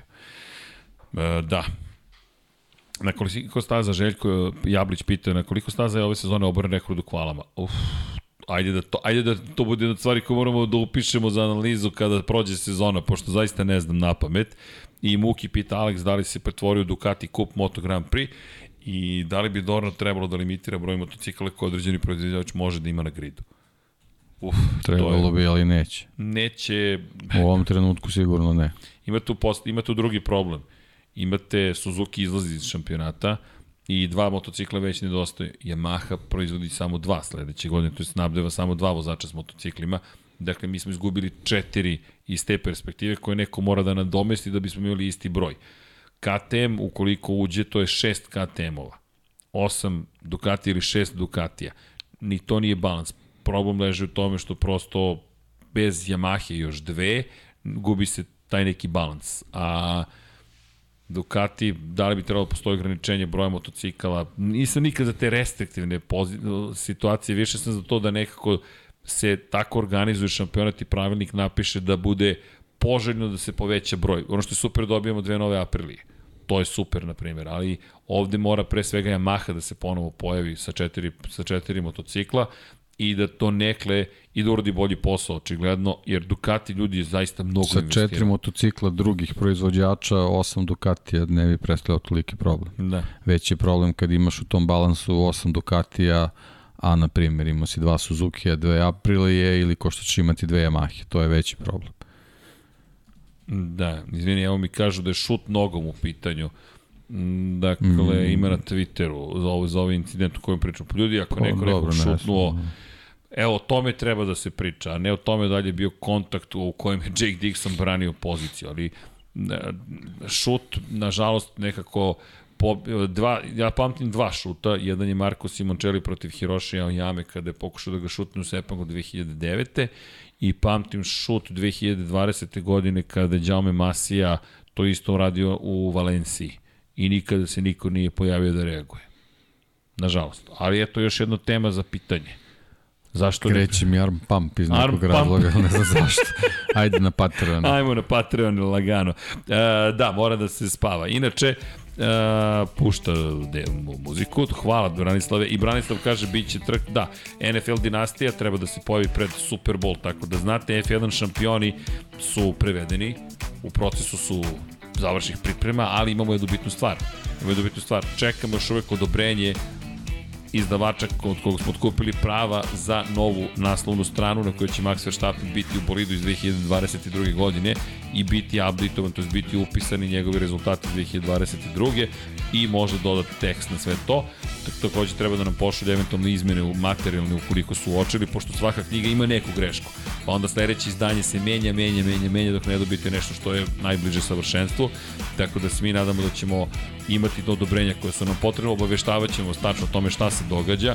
Dakle, ovoga puta smo malo pametniji, malo mudriji, svakako malo stariji, ali ono što je super, znaš što smo ponosni, imamo Rosija, imamo Merkeza, imamo Kimija, imamo Senu, imamo Šumahera, Sve su to knjige koje smo objavili, imate i rezultate Moto Grand Prix statistika do kraja 2021. 2022. tek će biti u pripremi, to ćemo rado otkupiti od gospodina Wernera Hefligera kada dođe vreme za to. Nadam se, na, naredne godine ćemo imati Žaka Dešanoa i, i statistiku Formula 1. Do tada, naravno, pratite šta se, šta se sve to priprema i kuva u našoj kuhinji kada je reč o izdanjima, a pripremamo i kuhinju na YouTube kanalu malo da neke stvari dodamo nove, tako da ovo zima biće, nadam se, i zabavno uzbudljivo svakako, ali kada nije uzbudljivo. Kod Vanje je trenutno baš uzbudljivo, pustili smo muzikicu i krećemo. Ali, pre nego što se pozdravimo i odjavimo, knjiga o Marku Markezu je stigla, da, kao što možete vidjeti, brđin dizajn i tekako je uticao na dizajn i ove kutije, tako da, Mark Marquez, Valentino Rossi, žuto, crveno, pa kad stoji jedan pored drugog, kao i rivali što su bili, Pa vi birajte koja boja vaša boja, oni koji obožavaju Moto Grand Prix i kupit će pretpostavljam obe. Zašto? Zato što vole Moto Grand Prix. Ali ono što je zanimljivo jeste zapravo upravo to rivalstvo koje nekako postoji i onda ljudi koji dolaze kupuju Rosija kažu mi imamo Merkeza. Dobro. E, kupuju Marquez, imamo i Rosija. Dobro. I to je to. Ali ponosni smo što imamo takva dva velika šampiona. Ko zna, možda jednog dana budi pričao o Komu Agustiniju. Do tada pozdravljamo se cime cele ekipe i naravno, pre nego što krenemo dalje, dve stvari. 18.30 ponedeljak, deki nadam se da, da, da, da se sećaš Zoom Zoom, družimo se. Pisao se. Na, pisao se, dobro je. 18.30 u ponedljak, svi koji su članovi na YouTube-u i svi koji su Patreoni, šaljemo vam link za Zoom druženje i malo ćemo da časkamo. To je neformalni razgovor s nama trojicom. Zašto? Pa eto, imate neka pitanja o kojima ne bismo inače pričali možda u podcastu, kao da baš previše čutimo, ali nije. Poenta jeste da pričamo sa svima vama preko Zuma, tako da ćete se svi videti ukoliko želite i poenta je to da prosto uspostavimo još bliži kontakt sa svima koji nas na taj način podržavaju. Hvala. Oni koji su tu pa su tu, udrite like, udrite subscribe, može i join, možete i Patreon, možete i shop, šta god vam odgovara, svakako je bitno. Devojke, devojke, dve devojke su nam ostale, jedna je pobegla, Ružičasti oktobar, devojke koje god da gledate, Ružičasti oktobar, proverite se, prekontrolišite se, podižemo svest o borbi protiv raka dojke, nešto što ukoliko se otkrije vreme, možda može da se izleči. Kaže, možda može da se izleči, ali mora da se otkrije vreme. Stoga, samo kontrola, odlazak od lekara i na taj način možemo da budemo svi zadovoljni i srećni, jer ćete biti tu zajedno sa nama. Momci, devojke, kogod, podržite svoje sebi bliske ljude ukoliko se nađu u situaciji da se bore protiv toga ili da ih je strah da se provere, podržite ih da znaju da ne treba da im bude strah da ćete vi biti tu. A ukoliko vi ne budete tu, bit će Lab 76, bit će Infinity Lighthouse, mi ćemo da vam dosađujemo i da budemo tu uz vas. Tako da, proverite se. S druge strane, kada pričamo o, o, o lepim nekim stvarima, mislim da je lepo kada se pruži podrška. Dakle, 9656 UNICEF, postanite članovi kluba prijatelja UNICEF-a. 200 ili 500 poruku pošaljete, time postajete mesečni donatori i uvek ponavljamo ti isto, to nešto vrlo malo može da bude zaista mnogo za nekoga, čak i ako nije, da kažem malo, opet pomažemo nekome, pomažemo detetu nekom, pomažemo nekome da sutra bude tu sa nama u nekom srećnoj situaciji i da zna da postoji neki ljudi koji će ga podržati. Malo humanog društva mislim da nije na odmet i naravno iz te perspektive opet priča, ne želim da vas pozivam na decu, ja od deca, ne, ali ovo je zaista ekipa koja se bavi pomoći deci. Tako da 9656, 200, 500 ukoliko možete, super. Ukoliko ne možete ljudi, bitno i da se međusobno podržavamo na neke druge načine. Tako da, ajmo da budemo dobri ljudi, to je poenta. A, hvala svim dobrim ljudima koji su tu pre svega sa nama večeras. Nadam se da ste se zabavili, uživali, oznojili kao i mi, ali to je sve u redu. Vanja je rešio ponovo. Vanja ima sistem, ugasi klimu i to je to. Je vam hladno kad je upaljena klima? Evo, vidiš Vanja? Vidiš, ne treba da dođeš u šortu. Veruj mi, ovde se topimo lagano, Deki i ja. Mada Deki mi se ne znoji, to znači da imam previše vode u sebi, moram na kuru mršavljanja. Ali, udrite drugari like, udrite subscribe, udrite share i sve ostale stvari, a ja ću sada da se zahvalim svima koji nas podržavaju. Pa da krenemo, ka hvala Vanja, to ti kažem, to je taj mili zvuk, znači da ćemo malo da raskladimo situaciju koja je trenutno u studiju na kraju univerzuma. A ja bih da se zahvalim. Da li si čuo za ovo? E, Deki, izvini, e, moram da te pitam. Da li si čuo za našeg najnovijeg patrona? Matija Binoto. Dakle, Matija Binoto nam je najnoviji patron.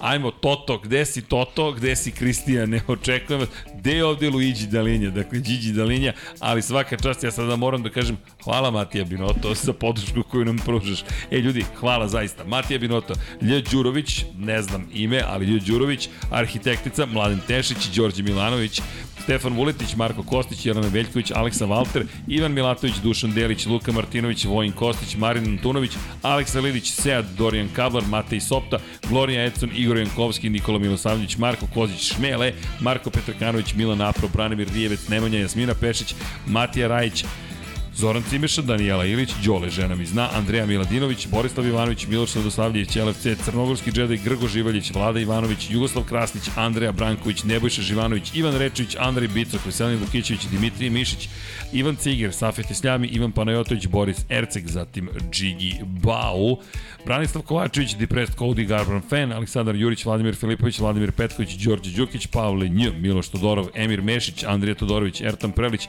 Alen Stojičić, Bojan Markov, Bahter Abdurmanov, Darko Trajković, Dejan Đokić, Ferenc Maslov i Branko Bisački, Žarko Milić, Aleksandar Milosavljević, Igor Gašparević, Vukašin Jekić, Branislav Marković, Igor Vučković, Aca Vizla, Dejan Vujović, Nemanja Zagorac, Aleksandar Antonović, Novak Tomić, Boris Kujundžić, Tijena Vidanović, Aleksa Jelić, da žena ne sazna, Dušan Petrović, Lazar Pejević, Stefan Deljković, Alen Vuletić, Zoran Majdov, Nikola Stojanović, Jasenko Samaražić, Bojan Majstorović, Antonio Novak, Stefan Milošić, Miroslav Cvetić, Đole Bronkos, Ognjen Marinković, Aleksandar, Nemanja Miloradović, Marina Mihajlović, Dušan Ristić, Zatim Miloš Vuletić, Luka Manitašević, Zorana Vidić, Marko Hork, Boris Golubar, Mirana Živković, Josip Kovačić, Andrej Boža, Boris Gvozden, Nenad Simić, Petar Relić, Bojan Mijatović, Milan Nešković, Borko Božurović, Marko Ćurčić, Mlađan Antić, Kristijan Šestak, Stefan Vidić, Ivan Žorž, Luka Savović, Jelena Mak, Goša 46, Omer Kovačević, Monika Erceg, Nenad Đorđević, Nikola Božinović, Filip, Mihajlo Krgović Đorđe Radović, Predrag Simić, Ivan Simunović, jedan anonimni donator, zatim Zoran Šalamun, Aleksa Vučić, Miloš Bandoka, Marija Vidović, Zoltan Mezej, Stefan Lešnik, Ivan Maksimović, Toni Ruščić, Milan Đurđević, Marko Bogovac, Nikola Grujičić, Marko Mostarac, Mladen Krstić, Marko Ćuković, Stefan Dulić, Ivan Toškov, Sava Dugi, Jelena Jeremić i Ozren Prpić. Hvala ljudi. Zatim, od članova o kome pričamo, čekajte samo da kliknem sve što treba da kliknem, a to je memberships i da se zahvalim naravno, samo da vidim da nisam propast, promašio. Ne, imali smo da, Enea je prošao Peka i dokazao da je bolji.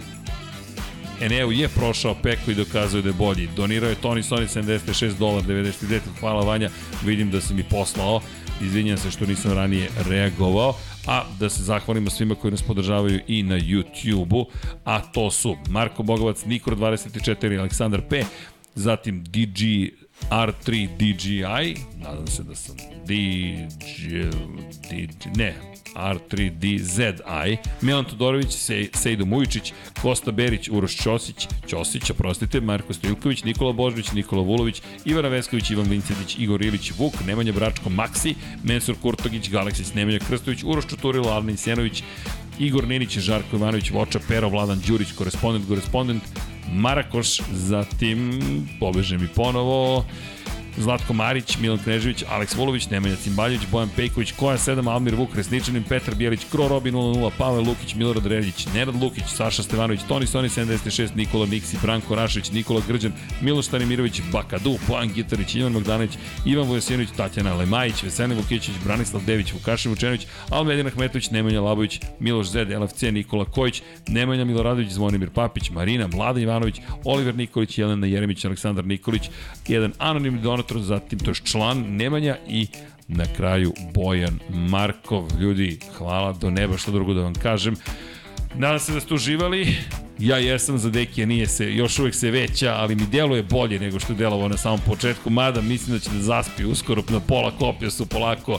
Mada, Deki samo te podsjetim, Liverpool je pobedio, tako da ne, nema spavanja. Kad ustaješ? U šest? O, nemam pojma. Ali dobro, znam kad, kad ležeš. Sada je da. 23 i 44. Dok stigneš kući, 24 15, dok pokreneš, a, dobro, pola 1 oko 2 završavaš, u pola 3 spavaš. top, dopisujemo se, evo ja ću da pogledam Liverpool, šta je učinio. highlights. Možemo, možemo da prokomentarišemo.